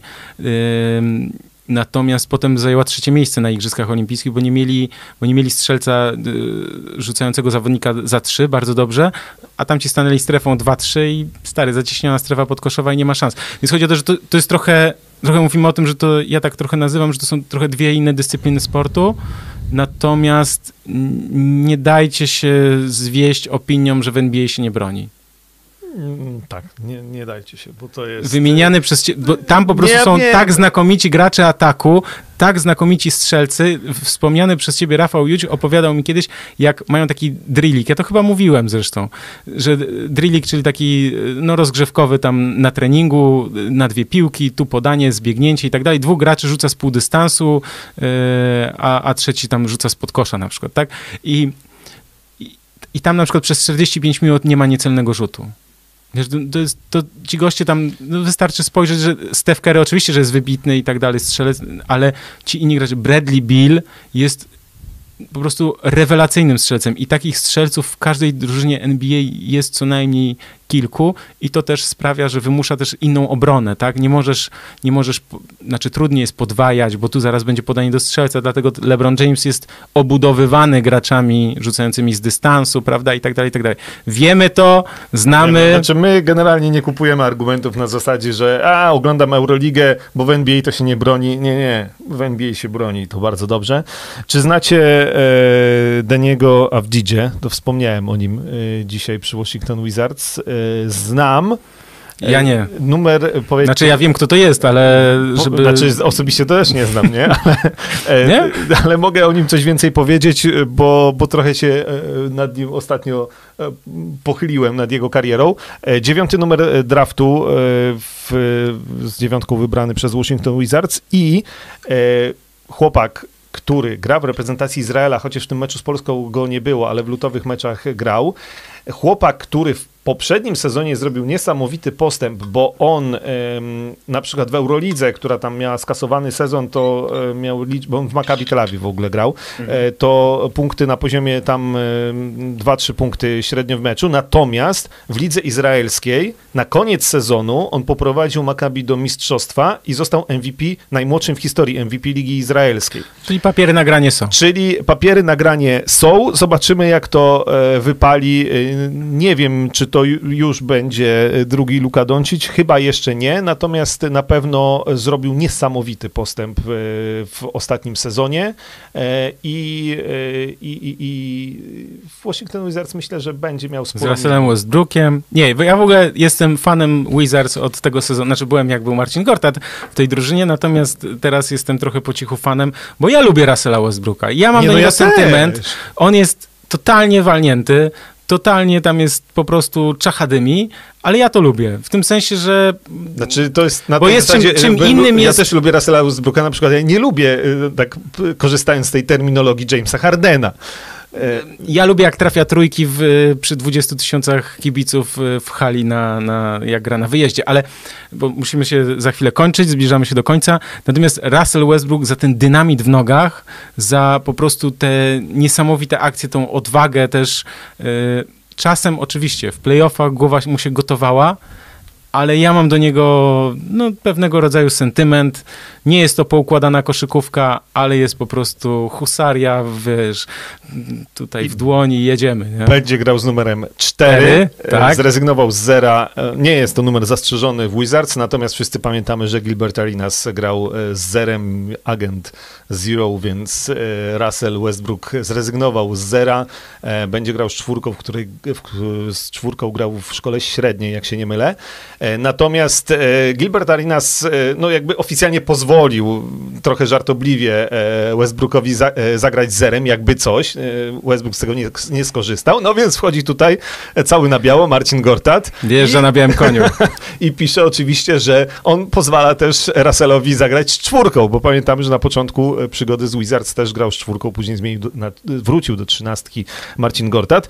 Bardzo to rozbawiło, bo też na Twitterze śledziliśmy Bradley'a Billa, ten komentarz Marcina Gortata, więc Marcin Gortat cały czas e, w Trzyma rękę na pulsie. jest, w wielkiej formie. Ja pamiętam, jak, jak byłem w Waszyngtonie, bo co, mnie zawsze zastanawiało, Marcin Gortat, bo wszyscy mówili, że on jest taki, wiesz, jak, jak z nim rozmawiasz, to on e, cały czas mówi, e, czasami szybciej mówi niż, niż coś pomyśli, więc też jakby media z tego czasami miały dobre, dobre tytuły i pożywkę. Aha, tak. Natomiast ja też pamiętam, bo kiedyś z Tatianą Okupnik, czyli żoną jego najbliższego przyjaciela, jeszcze w Orange Sport wtedy e, rozmawiałem i ona opowiadała, jak Marcin Gortat świetnie tam się e, w każdej szatni odnajduje, że on w ogóle filmy, wszystko tam wymyśla, rozrywki, gada, zabawia kolegów i tak dalej. I powiem ci, E, oczywiście, dopóki tego sam nie zweryfikujesz, to, no to mówisz, okej, okay, okej, okay, fajnie, nie? No ktoś tam robi dobrą atmosferę albo, albo nie. I pamiętam, jak byłem w Waszyngtonie, na jego meczu. No i tam wiesz, no możesz sobie wejść 15 minut, y, do 15 minut przed meczem do szatni jako dziennikarz, tak? Jak masz akredytację. No tam chyba, nie no, chyba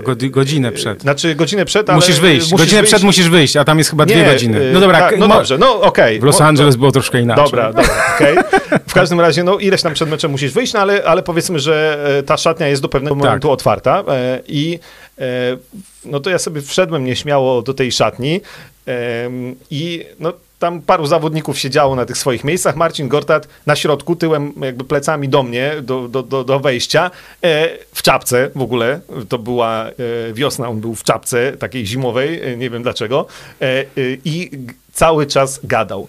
Od jednego do drugiego, coś tu pokazywał na telefonie i naprawdę wtedy sobie pomyślałem, no dobra, e, ja nie wiem, jakie on ma relacje z Johnem Wallem, ale na pewno z większością e, tej drużyny e, ma relacje dobre, nie? Bo i, i zanim on mnie zauważył, w ogóle, no to minęło kilka ładnych minut, kiedy on był rozchwytywany tutaj, tam coś, coś był jakiś na, na YouTubie, jakiś filmik, który był widocznie bardzo zabawny, więc mówię, okej, Marcin Gortat był przez parę lat naprawdę bardzo dobrym, solidnym zawodnikiem, także w Washington Wizards i pamiętamy e, cały czas pierogi e, alert I e, tak, grill, z-. Szaka.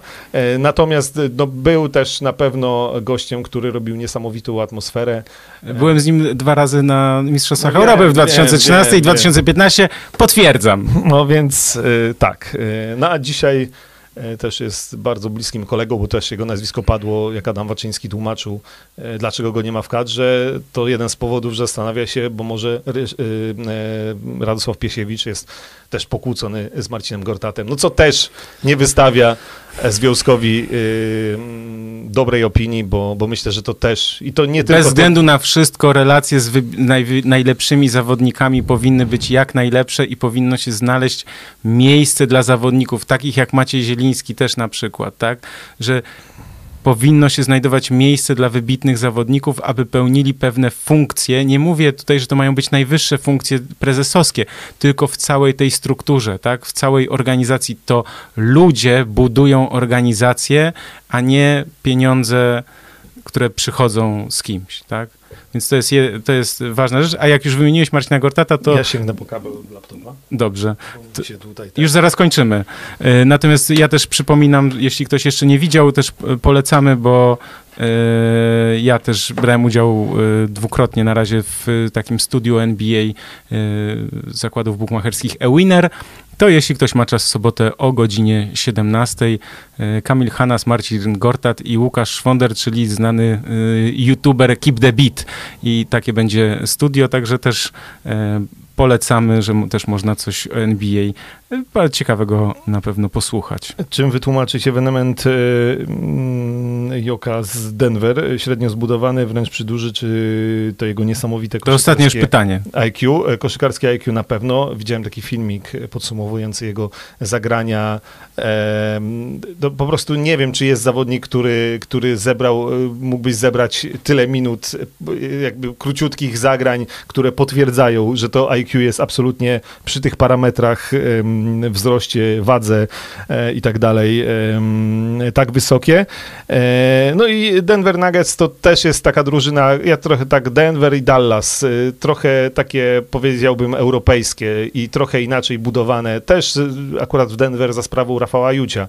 E, I e, tam są niektórzy koszykarze, którzy gdzie indziej by się może nie sprawdzili albo Bol Bol na przykład. Bol Bol Pisał kontrakt, w sensie tak. będzie w rotacji. Więc, No super. więc y, tam naprawdę są różne y, pomysły, które czasami na początku wyglądają dziwnie albo wyglądają na takie, które się nie sprawdzą, a później się okazuje, że jednak, e, że jednak się sprawdzają, więc, więc e, tak. Ja tylko może podsumuję ten wątek polski. E, Piotr pisze do nas, dlaczego u nas nie szanuje się legend? No, dobre pytanie. I to jest bardzo dobre pytanie, z którym no, po części odpowiedzieliśmy, a po części myślę, że zostawiamy także e, was z, z tym pytaniem otwartym. Czy jeszcze jedną krótką jakąś chciałeś coś dodać, bo musimy kończyć. Ja miałem dużo krótkich. Przy LeBronie Jamesie zabrakło tego, że został uznany e, Sports Person of the Year e, przez Sports Illustrated. Tam różnie jest, czasami jedna, czasami więcej. Tym razem było pięciu sportowców i coraz częściej w ostatnich latach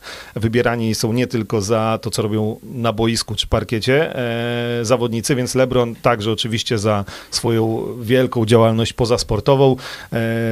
Zresztą ostatnio, chyba w tym wywiadzie z Whisky był w koszulce, że więcej niż sportowiec, Mhm. e, więc on już dawno dawno wykracza Tak, poza Za poza to sport. wielki szacunek dla LeBrona Jamesa. Nie wiem, miałem jeszcze na koniec dramę z e, Malikiem Beasleyem dla fanów Minnesoty, e, którą śledziłem namiętnie. Z, Dobrze, masz 30 sekund. Malik Beasley, lat 24, ma żonę i malutkie dziecko. W listopadzie został przyłapany e, na romantycznym spacerze za rękę e, z Larsą Pippen, lat 46. Była żona Scottiego Pippena, o którym dzisiaj mówiliśmy.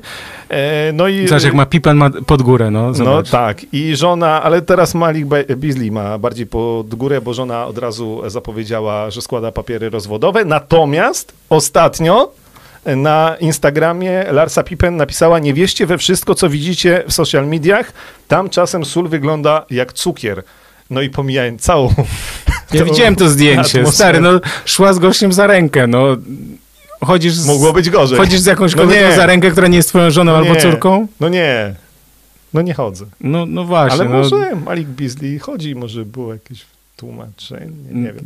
E, Zapisali się na jogę wspólnie, tak? I on ją odprowadzał, bo ona się razie- A on ją odprowadzał, bo ona się zgubiła. W każdym razie współczuję, e, bo tam się szykuje, że będzie miał teraz dużo problemów. E, 60 baniek kontrakt podpisał, więc będzie miał z czego wypłacać alimenty. Połowa pójdzie.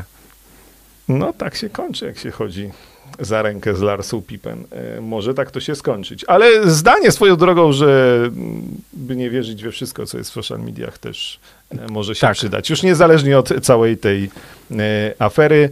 Słuchaj, bo dobijamy do dwóch godzin, więc kończymy. Musimy kończyć. Musimy kończyć, bo A że wiesz... córka Demara DeRozana przegoniła e, włamywacza, Nie, który już- szukał Kylie Jenner domu, a, a wszedł do domu Demara DeRozana, a DeRozan podsumował to, że e, takie rzeczy to nic, on się przecież w Compton wychowywał, czyli w najbardziej niebezpiecznej dzielnicy Los Angeles, więc duży luz, nie? Okej, dobra. Dziękujemy Kończymy. wam bardzo za to, że byliście z nami, że oglądaliście e, nasz podcast na żywo. E, dziękujemy kiedy, wszystkim. Kiedy wracamy? No ja myślę, że przed świętami jeszcze. Ja, te, ja strzelam, ale teraz musicie też śledzić. Ja bym tak chciał, żebyśmy się 22 spotkali we wtorek, jak 22 rusza sezon. Taki miałem, taką miałem myśl, ale jeszcze nie zarezerwowałem studia, więc wiesz. Czytajcie probasket.pl, z tego Tak jest taki jest. wniosek, tam na pewno będziemy Na pewno mówić. będzie. My jesteśmy też na, i na Twitterze, i na Facebooku jest grupa zamknięta, także na pewno ta informacja będzie. Ja też newsletter wysyłam, jak jest y, informacja o, o kolejnym, ale że no tak bym strzelał, żeby się spotkać jeszcze przed rozpoczęciem sezonu. Może będzie parę jakichś, no na pewno będzie. A może będzie parę transferów? Może. Jeszcze coś może się Trzeba wydarzy? będzie trochę Ja, o, meczów. Janis nie przedłuży, albo przedłuży. To też będzie temat. Trzeba będzie trochę meczów przedsezonowych. Tak jest, zobaczyć. więc tak, y, dziękujemy wam Ciekawe, bardzo. czy z Jamesem Hardenem jakiś. Przestań już. Dziękujemy Wam bardzo. Y, Widzimy się, mamy nadzieję, że już niebawem, że jeszcze przed rozpoczęciem sezonu. Przypominamy, że też można nas posłuchać na y, podcastach Apple, na SoundCloudzie i na Spotify'u. Pamiętajcie, żeby też kliknąć łapeczkę w górę, żeby to nas tam y, podkręcał ten algorytm YouTube'a. No i zapraszamy na nasz kolejny odcinek. Krzysztof Sendecki Dziękuję bardzo. i Michał Pacuda. Dziękujemy. Do zobaczenia.